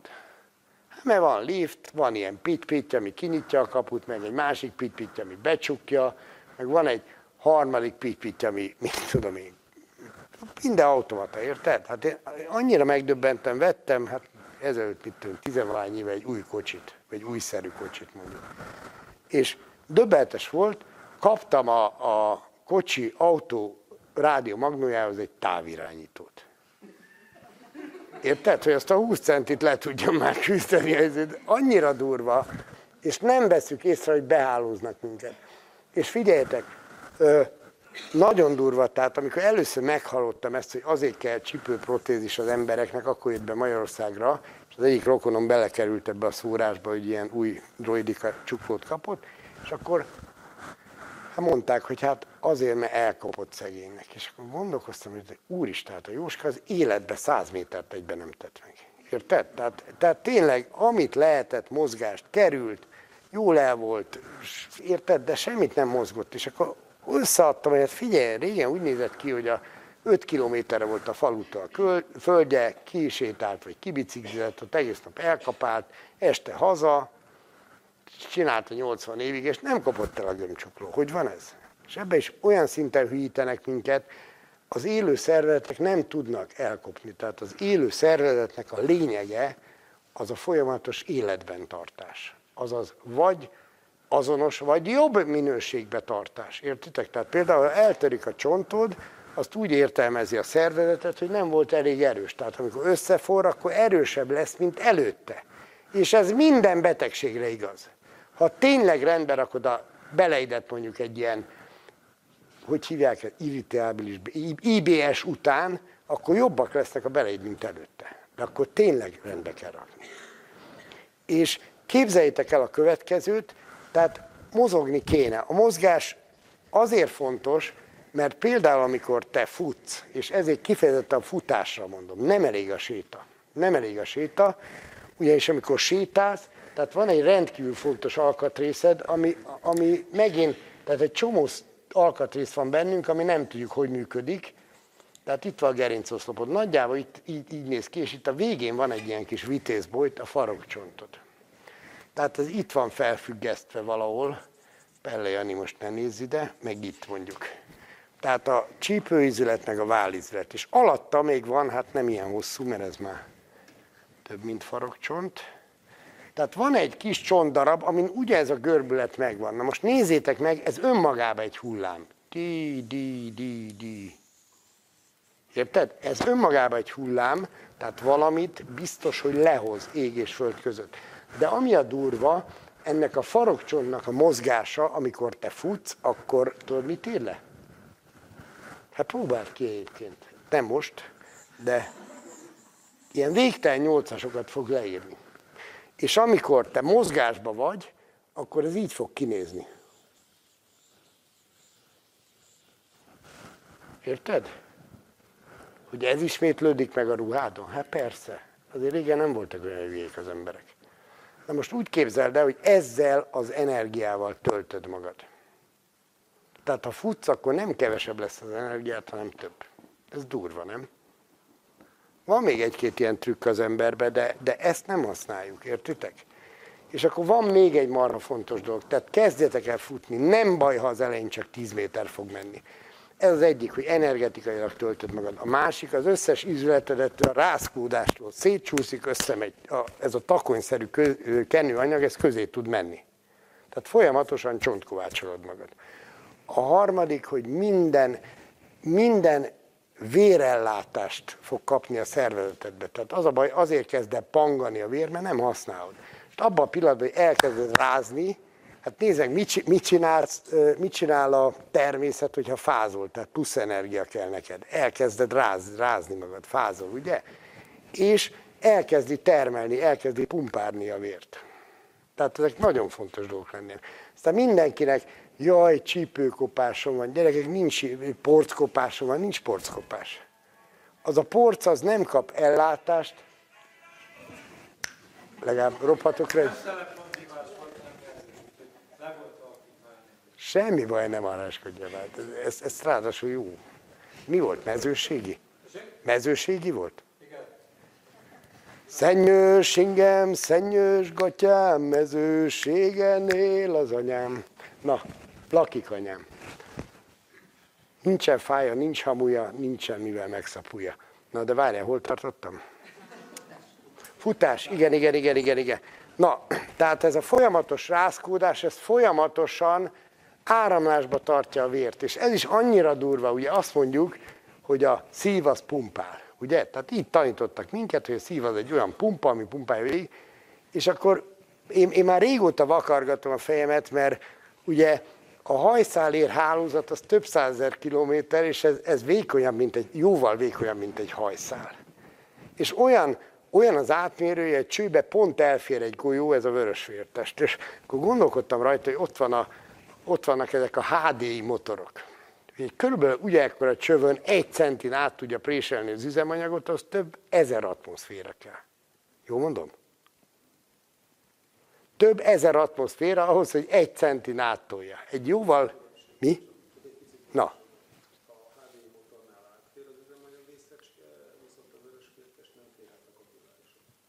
Így van. Így van. Tehát ez, ez csak azért mondom, mert megint hülyítenek minket. Nem pumpálhat. Gondolod, hogyha ezer ö, atmoszférás nyomást kéne a szívednek megcsinálnia. Nem. És akkor ráadásul megint magyar nyelv, felvirágoztatni a Mercedes-szel, érted? Tehát megint, akkor az lenne a neve, hogy pump, nem? Hát annyira logikus a magyar nyelv, és annyira tiszta, de a magyar nyelvben úgy szerepel a self, mint szív. Tehát szív, szivattyú, és csak helyet csinál neki, érted? Az erezet pumpál. Az erezetnek a saját izomzata pumpál. Tehát ez egy perisztartikus pumpa. Tehát meg, ö, megnyomja, tovább engedi, megnyomja, tovább engedi, megnyomja, értitek?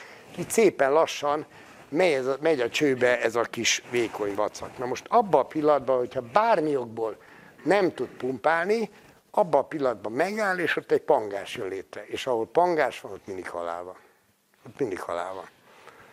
És mitől áll be ilyen, ilyen pangás? Például miért áll meg ez az egész? Picit gondolkozunk, ezt tegyük össze a kerttel. Miért, miért áll meg ez a pumpa? Egyrészt mert megállt, tehát nincs szükséged vére, hát ha egész nap a töködet vakarod, vagy ülsz a izé, majompózba a gép előtt, minek neked, minek neked bármi? Minek neked bármi? Hát akkor elve egy darab kekszel, nem kell izé, se szex, se keks, semmi nem kell. Na mindegy, ami a lényeg, hogy van egy jóval durvább beragadás, a stressz. Tehát a stresszel nem lenne baj, nézd meg a nyulat, meglátja a rókát, ugye tele adrenalinnal a véret, puskagolyó, fut egy kilométert, megpien legel tovább. Addigra kiég belül az adrenalin. Most elmondom, hogy néz ki a te napod. Fölkelsz, eleve egy stresszre, mert nem akkor kelsz, amikor akarsz, hanem amikor a vekker jön, vagy amikor az anyád rángat, vagy a férjed, vagy a feleséged, a második már rögtön elkésel, menj már, izé, már ott van a stressz benned, de a harmadik beszorulsz egy dugóba, mondjuk itt hál' Istennek azért nem, de mondjuk menj el Pesten a munkahelyedre. Tehát a negyedik, és sehol nem tudsz mozogni. Negyedik, a főnök leugatja a fejedet, izé, tehát nem azt fogod, hogy fogod, benyomsz egy sallert neki, mert akkor holnaptól nincs munkahely, hanem igen, igen főnök, ide húzson, stb. Érted? És közben állsz, még mindig állsz. Este bemész a szülői értekezletre, na ott a te, hülyé, te gyereked a leghülyébb, a legtreányabb, stb. stb. stb. És utána az asszony lebasz, hogy hol voltál ennyi ideig, vagy a férjed, érted? És körülbelül ennyi. Ennyi. Mozgás, zéro. Érted? Tehát nincs baj az adrenalinnal, nincs baj a stresszel. Azzal van baj, hogy nem mozogjuk le. Megint mi a megoldás? Ott a kert. Ott a kert. És akkor megint azt szeretném még elmondani, hogy amikor ezek a csípőprotézis problémák előkerültek, akkor ö, így a népi gyógyás csapaton belül elkezdtünk gondolkodni rajta, hogy mi lehet az oka. Mi az a mozgás, ami régen volt, és ma nem volt? Mert jóval kevesebbet mozgunk, az rendben van. De mi az, amit egyáltalán nem csinálunk? Na, kitaláljátok-e? Elsősor csönd, mi? Azt, igen, igen, de első sor csönd. Többi sorok azok mondhatják. Na, hogy szartál régen? Googolva. Hogy ültél régen? Googolva. Mindent googolva csináltál. Hogy pihented? Nézd meg a gyereket, hogy pihen. Googolva. Hogy beszélgettek az emberek? Arab világban, amikor elkezdtem oda járni, még az emberek googolva beszélgettek. Most már ők is angol wc ülnek. Hú, hát nagy örök lettek. De ezzel tönkre is tesz az a szervezeted. Tehát ez az a mozgásforma, ami ma hiányzik. Tehát ha azt akarod, hogy ne legyen porckopásod, hogy ne görbüljön be a gerinced, egyes legyen tartásod, stb. googolgassál. Ennél fontosabb mozgás nincs. És akkor a legtöbb ember elmondja, de én nem tudok legugolni, de muszáj, muszáj, muszáj. Ha ennyit tudsz, akkor ennyivel kezd, és minden nap menjél lejjebb egy centivel. És tegyél be valamit, ha nagyon nem tudsz legugolni, tegyél be valami összehajtott zoknit vagy törülközött a térthajlatodba, és úgy gugoljál, hogy húzza szét az izületet. És gyönyörűen rendbe fog jönni.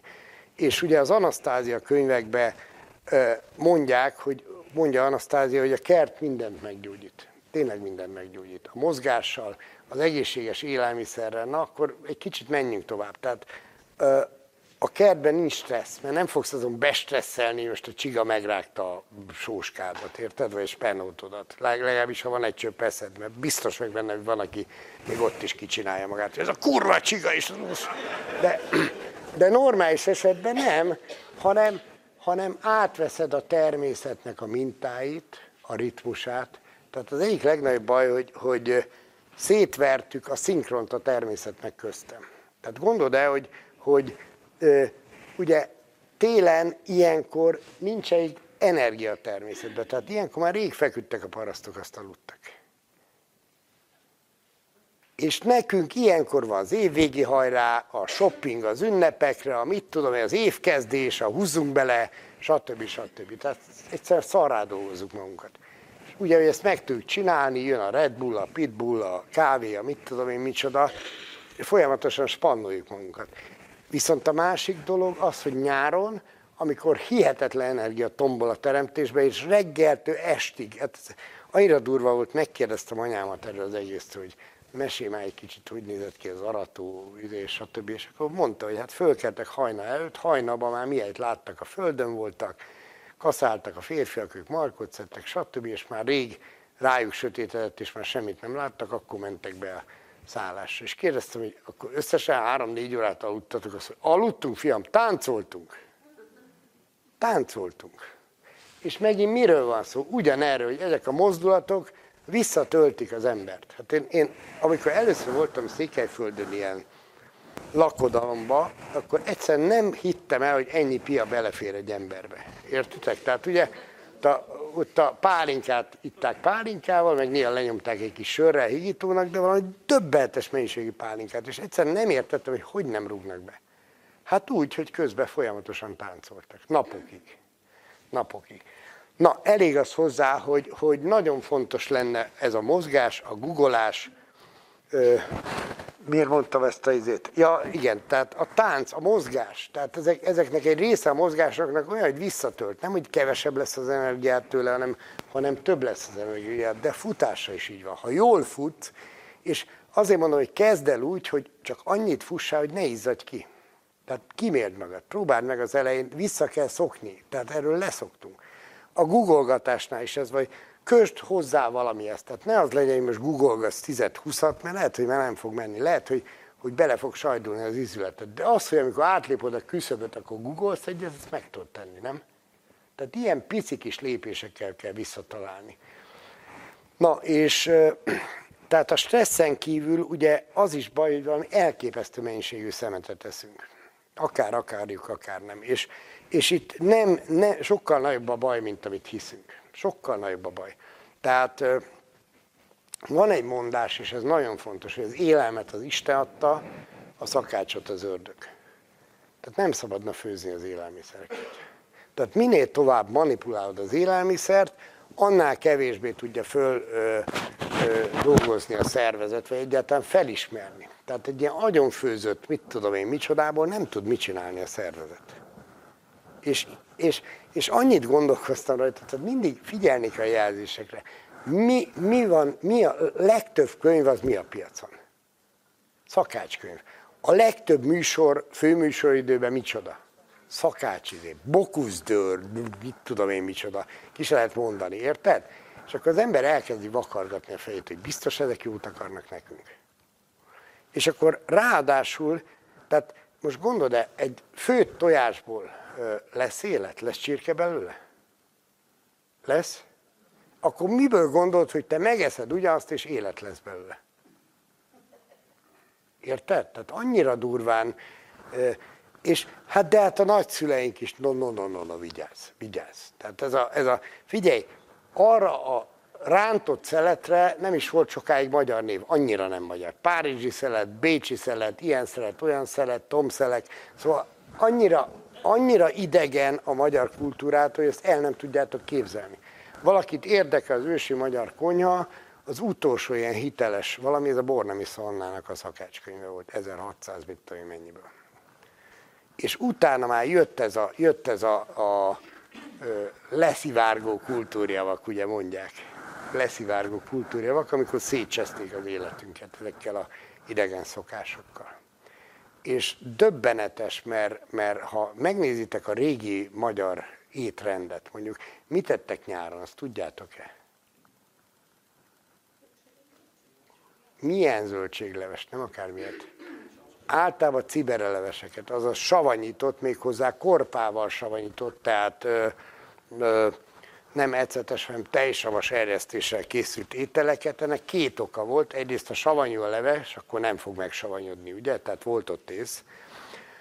A másik, másik, az egy fontosabb ok volt, hogy ami minden, ami savanyú, az folyamatosan tisztítja az érpályákat, és ráadásul hűt. Tehát amikor nyáron besűrűsödik a véred, és, és szükség van a hűtésre, akkor, és szükség van a folyamatos értisztításra, akkor ilyen, ilyen ételeket ettek. És ha megnézed, eleve ugye a legrosszabb, tehát annál, mint ami egy Kádár korszakbeli vasápi ebéd, az, az, az totál, az egy game over, érted? Amikor teljesen kiütöd az emésztőrendszered. Mit tettünk? Ettünk egy húslevest, ez önmagában megállt volna. Ez gyógyítási célokra csinálták régen. Tehát ugye a betegnek galamblevest vittek. De utána rögtön jött a dagonya, ö, rántott párizsi szelet, vagy tök mindegy, az a lényeg, hogy rántott disznóhús, ö, krumplival, szóval ezek nonsens. A disznóhús a legerősebb fűtőétel, a krumpli a legerősebb hűtőétel, érted? Tehát már, amit lehet, elrontanak az emberek. A másik, a leggyorsabban a szénhidrátokat dolgozza fel az ember. Tehát cukor, rizs, krumpli, stb. A leglassabban a húsokat. Ha együtt eszed, összezavarja az emésztőrendszered, tovább engedi, ugye úgy működik az emésztésünk, hogy van egy savfürdő, ez a gyomor, meg van egy lukfürdő, ez a, ez a patkóbél. És a kettő közt van egy szelep, ami, amit a pH vezérel. Tehát elér egy bizonyos pH-t, akkor átenged, és tök mindegy. Tehát tök mindegy, hogy igen, el, a cukor az már elérte a pH-t, viszont a rántott hús az még ami úgy, úgy néz ki, mint ahogy megetted. Érted? És akkor ezt még letolod egy dobos tortával. Na, ez a, ez a technikai káó. És ilyeneket eszünk, és a mai napig ilyeneket eszünk, és egyre inkább ilyeneket eszünk. És már megnézitek régen, mivel lették a húsokat? Mártásokkal. Igen, zöldséggel. Vagy főzelékekkel, ugye az van középen. Tehát az egyik felén van a szénhidrát, középen van a zöldség, illetve a tejtermékek bizonyos fajtája, és a másik oldalon van a, a hús. Na most amikor te, és ráadásul, ha megnézed a fogazatod, ugye 32 fogad van ebből van 8 darab metszőfok, tehát ez azt jelenti, hogy 8 32 azaz két nyolcad, mi a fele, nyúltápot kéne egyért, tehát csaláta, zöldségek, stb. Két nyolcad. Van négy darab szemfogad, ez egy nyolcad, tehát ennyit kéne egyél húst. Kéne egyél, de nem annyit, mint ma. És az összes többi az gumós rá, rágófog, tehát ennyit kéne ilyen mindenféle magvak, meg gumósok, meg egyebek. És ha megnézed a paraszti kultúrát, nagyjából ez volt az arány. Tehát egyszer ettek húst egy héten. Tehát, na mindegy, amit mondani szeretnék, hogyha ezt megcsinálod, én nem fejeztem be a nyarat, Ugye a nyárban pedig az volt a lényeg, hogy tombol az energia, és dolgozott kell, meg különben felrobbansz. Érted? Mit csinálsz nyáron? Havaj, Balaton, mit tudom, az a lényeg, hogy valahol ott nagyon, nagyon nem dolgozó, hogy finoman fogalmazzak, és szétrobbantanak az energiák, és nem győzött nyugtatódni magad. Tehát teljesen kiestünk a ritmusról, viszont a kert az vissza kényszerít a ritmusra és a tápláléknak a ritmusára is az, hogy ne decemberben egy epret, mert a kertedben nem fog megteremni. Hanem szépen van egy sorja a növényeknek, és te ezt a sort végezed, és újraépíted a nulláról, ha kell a, a testedet. Tehát a mozgással, azzal, hogy folyamatosan zöldeket fogsz enni, nem fogsz berohanni egy sóska levéllel megfőzni, hidd el nekem. Ott helyben meg fogod enni, meg a cseresznyét, meg a többit. Frissen, tökéletes épp étertestel. Tehát az a baj, hogy amire azt látjuk, hogy friss, mondjuk a Lidli mindig friss, hogy ilyen gázos kamionokba rohangásznak egyik helyre a másikra, és napokig. És úgy van megcsinálva, a jégsalátát például Spanyolországba hozzák. Én onnan eszem, ha kívülről kell venni valamit, mert még mindig az egyik legtisztességesebb élelmiszer, de agyon manipulálva az is. Most gondolod el, mikor Spanyolországba hozzák azt a jégsalátát. Az minimum három nap, amíg ideér. Na most úgy képzeld el, hogy például pont a saláta féléknek az életteste, az ételteste, az, az pár órán belül lebomlik. Tehát azt elvileg se tudsz frisse tenni, ha csak nincs saját kerted. Na, tehát mindegy, a mondatomnak a lényege az az, hogy a kert az egészségbe fog tartani, vissza fogja adni a mozgás szabadságodat, tehát te magadat korlátoztad le. Hát, ha nem, nem, nem googolsz, akkor minek, minek van szükség mondjuk a térdizületedre? Hát erre a droidika mozgásra elég, hogyha ennyit hajlik a térded. Annyit fog hajolni. Tehát minél inkább beleállsz a kertbe, minél inkább a jelenbe vagy. Érted? Ez a meditáció, hogy ott vagy a jelenbe. Jelen vagy, fogod az égi jelet. És nem kalandozol a múltba, biztos, hogy nem az volt, hogy közben ott tizé nézegetett, hogy mi, hogy nő, bassza meg, befizettem a gázszámlát. Érted? Tehát nem lehet megcsinálni. És, és ami talán a legfontosabb, azt elmondja Anasztázia ezekben az Anasztázia könyvekben. Neki az az alaptézise, aki nem ismeri ezt a könyvsorozatot, én nagyon tudom neki ajánlani. Ezt egy szibériai ilyen táltos lányka, vagy nem tudom minek nevezzem, sámán, tök mindegy, egy olyan asszony sugalta, aki, akinek egy elég tiszta kapcsolata van a teremtővel, tehát jelen van. És egy tisztáson él Szibériában, mindegy, ami a lényeg, az a mondandója. Engem nem érdekel, hogy kicsoda, micsoda, létezik, nem létezik, engem nem érdekel. A mondandója érdekel, az viszont nagyon talál azzal, ami, ami, amit, ami az én álmom, és amit én kitaláltam a világ megmentésére. Tehát Anasztázia nevű Jányka azt mondja, hogy a világon minden probléma megoldódna. A környezetszennyezés, a, a, a depresszió, a betegségek, minden megoldódna, hogyha az emberiség többsége az egy hektáros, önellátó, családi birtokokra vonulna vissza. És itt minden szónak jelentése van. Az egy hektár az azért fontos, mert kényelmesen megél bármilyen talajviszonyok között egy család, egy nagy család, tehát több generációs nagy család egy hektárról. Megél az nem azt jelenti, hogy eladom a terményt, és majd veszek belőle plazmatévét, meg izé, ez nem. Tehát élelmet ad, életet ad, de pénzt nem ad, azt már úgy kell kicsikarni tőle, és tönkretenni. Tehát egy hektár bőven elég ahhoz, hogy megéljél, de ahhoz nem elég, hogy John Deere-t vegyél. Érted? Tehát harckocsira nem lesz pénz.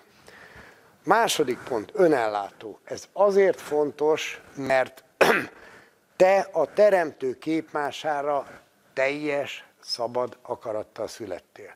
Ha elveszted a szabad akaratod, ez amiatt van, mert valamilyen kényszert képzelsz el magadnak. Tehát például, hogy nem tudsz megélni, nem lesz munkahelyed, nem lesz nyugdíjad, nem lesz miből iskoláztatni a gyereket, ugye ez a, ez a legnagyobb csapda a mai világban. Na most, ha te önellátó vagy, akkor nincs külső kényszer. Azt csinálsz, amit te akarsz. Csak gondoljatok arra, hogy a háború előtt nagyon sokan éltek tanyán. Tehát ezt úgy képzeljétek el, hogy Magyarország, tehát a Kárpát-medencének, Nagy Magyarországnak körülbelül egyötöde élt tanyán, ez a Duna-Tisza közén, ez egy harmada, minden harmadik ember tanyán élt. Miért kellett véget vetni a tanyavilágnak? Miért kellett tönkrezúzni? Azért, mert a tanyának mondjuk kellett egy kiló só, meg egy liter petrólum egy héten. Ez volt, mint a befőtt. A szartrán agyikban most a Fidesz van, vagy a Maszop van hatalma, hogy kire kéne szavazni, nem, nem érdekelte. Ő el volt a maga kis csendességébe, teremtette a maga kis világát. Érted? É, tehát az önellátás azért kell, hogy ne függ senkitől. Hogy ne szóljon senki bele a teremtésedbe. Érted? Ez egy nagyon fontos dolog, mert két módon is beleszólnak a teremtésedbe. Az egyik az az, hogy kötelező oktatásban egyetlen egyet tanítanak. Kíváncsiak vagytok rá, hogy mit? Kíváncsiak?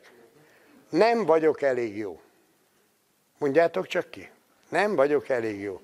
És ha ezt elismétled otthon tízszer, már bőksz, mint az ápor. Ez olyan mélyen belénk égett kód.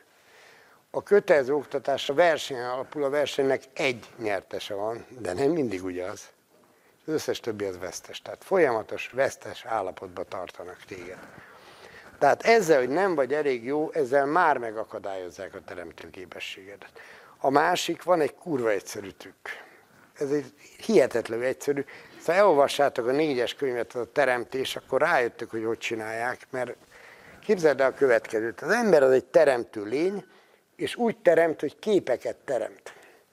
És minél, hogy lehet a többi emberen uralkodni, úgy, hogy te gyorsabban hoz létre a képet, és akkor, ha van egy kész kép, akkor nem fog én új képet alkotni. Hát ott van előttem az amerikai álom. Hát mi, mi kell nekem más? Csoki, ujjing, ilyen kalapba, hát nem kell. Na, tehát piszok fontos, nagyon fontos a képalkotás gyorsasága. Ezt egy bizonyos, le, vannak technikák, ezt lehet gyorsítani, de egy bizonyos határ fölé nem tud gyorsítani az életmódod miatt. Tehát mit kell csinálni? Le kell lassítani a többi ember képalkotását. Na erre való a kötelező oktatás. Nézd meg egy gyereket, mit tudom én, 5 évesen, és nézd meg ugye azt a gyereket 15 évesen. Hihetetlen módon lelassul a képalkotásnak a sebessége. És képtelen lesz bármire. Képtelen, ezt úgy mondja a magyar, hogy képtelen valaki. Ha nem képes valamit megcsinálni, ezt úgy mondja, hogy képtelen. Képtelenek leszünk. És ezért nagyon fontos, figyeljetek, mindenben ugyanaz a kulcs jön ki, hogy ha a gyerekeinket hagyjuk szabadon felnőni, ők majd így újra teremtik a világot. Értitek? Ezért figyelnek kínosan oda a kötelező oktatásra, arra, hogy legyen beoltva a gyerek, tehát már gyárilag lebutisd és beleragd egy hét betegségnek a magvát, amit majd lehet aktivizálni. Ha eljön az idő, akkor egyszerűen húz egy repülő egy csikot, ez történik, az történik, azt összeomlik az egészsége. Érted? Tehát annyira, annyira durva, és megint, megint figyeljetek, az a baj, hogy ezt a hatalmat, ezt tőlünk lopták el. Tőlünk lopták el, és mi meg azt mondjuk, hát, hát ez így van rendjén. Ez így van rendjén, már az anyám is így élt. Hát már őt is beoltották. És milyen alapon? Milyen alapon? Honnan veszi a hatalom az ő hatalmát? Tehát még egy kurva alkotmányunk sincs teljesen illegitim minden, ami Magyarországon történik, amióta nem a Szent Korona alá tartozunk. Soha nem volt egyetlen egy nemzetgyűlés, ami kimondta volna, hogy a Szent Korona érvénytelen, a Szent Korona rend. Itt gyakorlatilag ilyen tocsikoló féldecis rezsimek uralkodnak fölöttünk. És meg persze, hát még a humán papillónál, hogy ne, hát azt is be kell oltani. Fiúkat még nyakrák vírus ellen. Hát persze, bravo és szépen kúszik be az életünkbe, hogy már semmire nincs hatalmunk. Hát nem veszitek észre, hogy egy falu már semmit nem tud eldönteni saját jogkörbe. Hát már nem arról van szó, hogy most kiavítsuk ezt a hidat, vagy ezt az utat, már azt se döntheti el, hogy a cigányoknak melyik napokon fizeti ki a szociális segélyt. Semmit. És ez, ez kúszik be, ez a polip, érted? Egyre sorosabb a polipnak a, az ölelése, ez a halálos ölelés, és mi meg csak nézzük. Nézzük. Istenem, már majd csak letelik egyszer az élet. Gyerekek, nem érne meg egy bőrkabátot beáldozni azért, hogy a gyerekeinknek helyet, helyet biztosítsunk. Hogy egy pici kis szegletet csináljunk nekik, ahol, ahol megéletik az álmaikat, hogy teremthessenek. Hogy fog ránk nézni a következő generáció, még ennél is jobban beszorulnak, mint most mi? És ezt kell megértetni mindenkivel, aki a hatalomnak a részese, hogy ez nektek se jó gyerekek. Nem ellenségek vagyunk, de nem egészen így akartátok.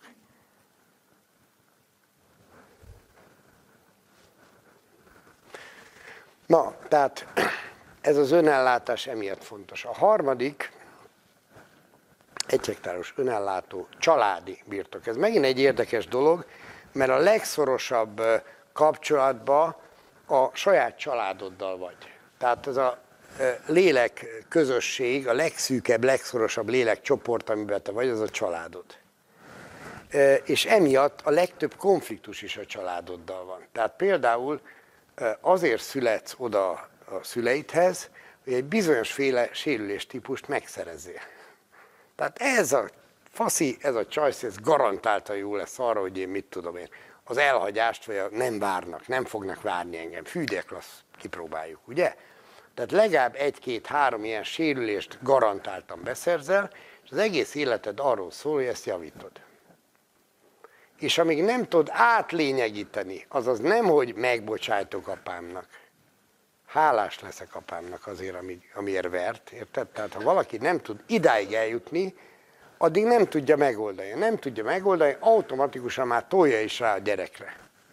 Tehát ugyanazzal a programban megint valaki kopogtat, hogy na figyelj, neked nem sikerült, majd én tutira megcsinálom. Persze a gyereked is bele fog bukni, egész addig, amíg valaki meg nem oldja. Valaki meg nem oldja.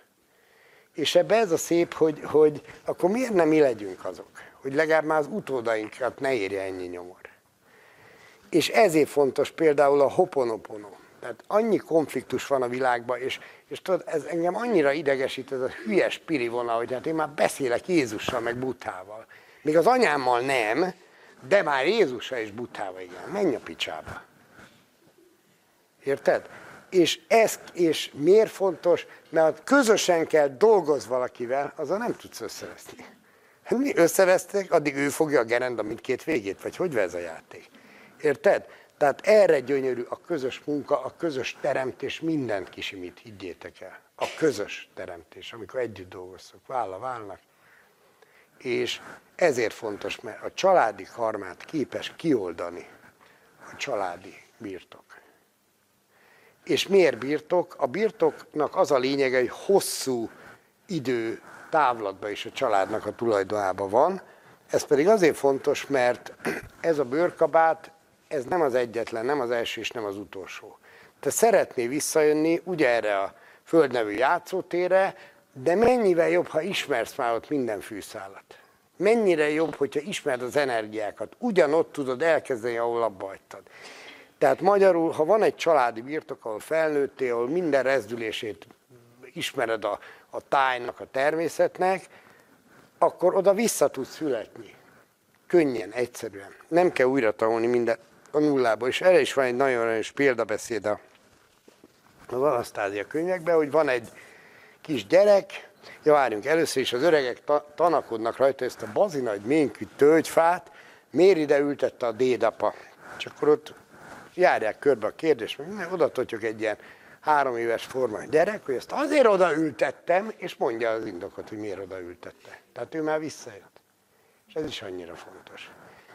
És tulajdonképpen ennyit szerettem volna elmondani, hogy jön a tavasz, álljunk bele ezekbe a dolgokba, mindegy a lépték, higgyétek el. Én, én rossz végére álltam a Bránernek, mert a 80 hektár ez nagyon sok, tehát ezt nem lehet bírni, de, de legalább azon a pár négyzetméterem, vagy akár a balkonládádba elkezded ezeket az alapelveket megvalósítani, és egy csodát fogsz látni.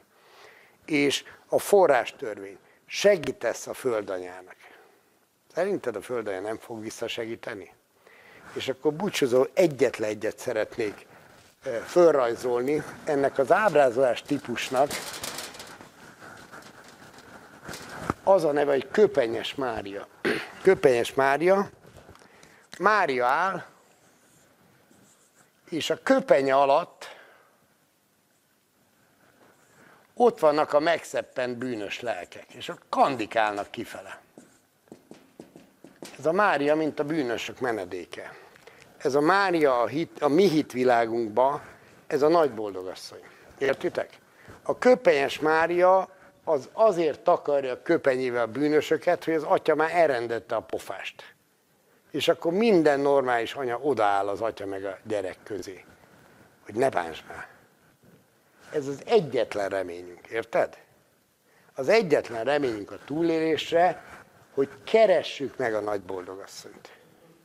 Keressük meg a nagy boldogasszonyt, vegyük elő azokat a mintákat, és mi is boldogasszonyok leszünk. És figyeljetek, amit nem a Földön és a Földbe csináltok, az csak elmélet.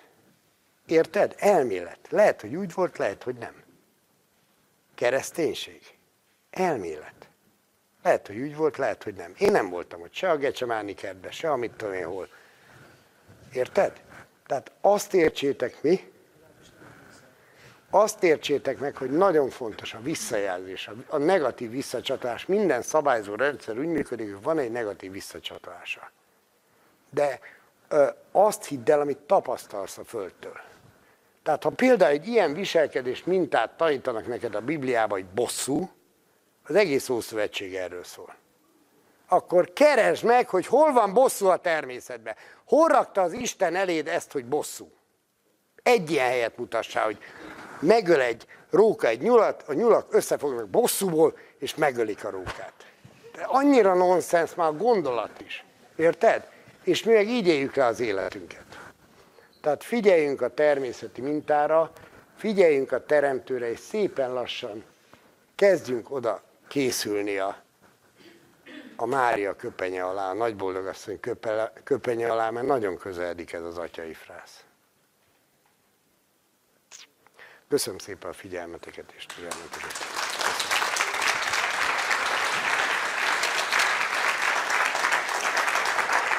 Köszönöm.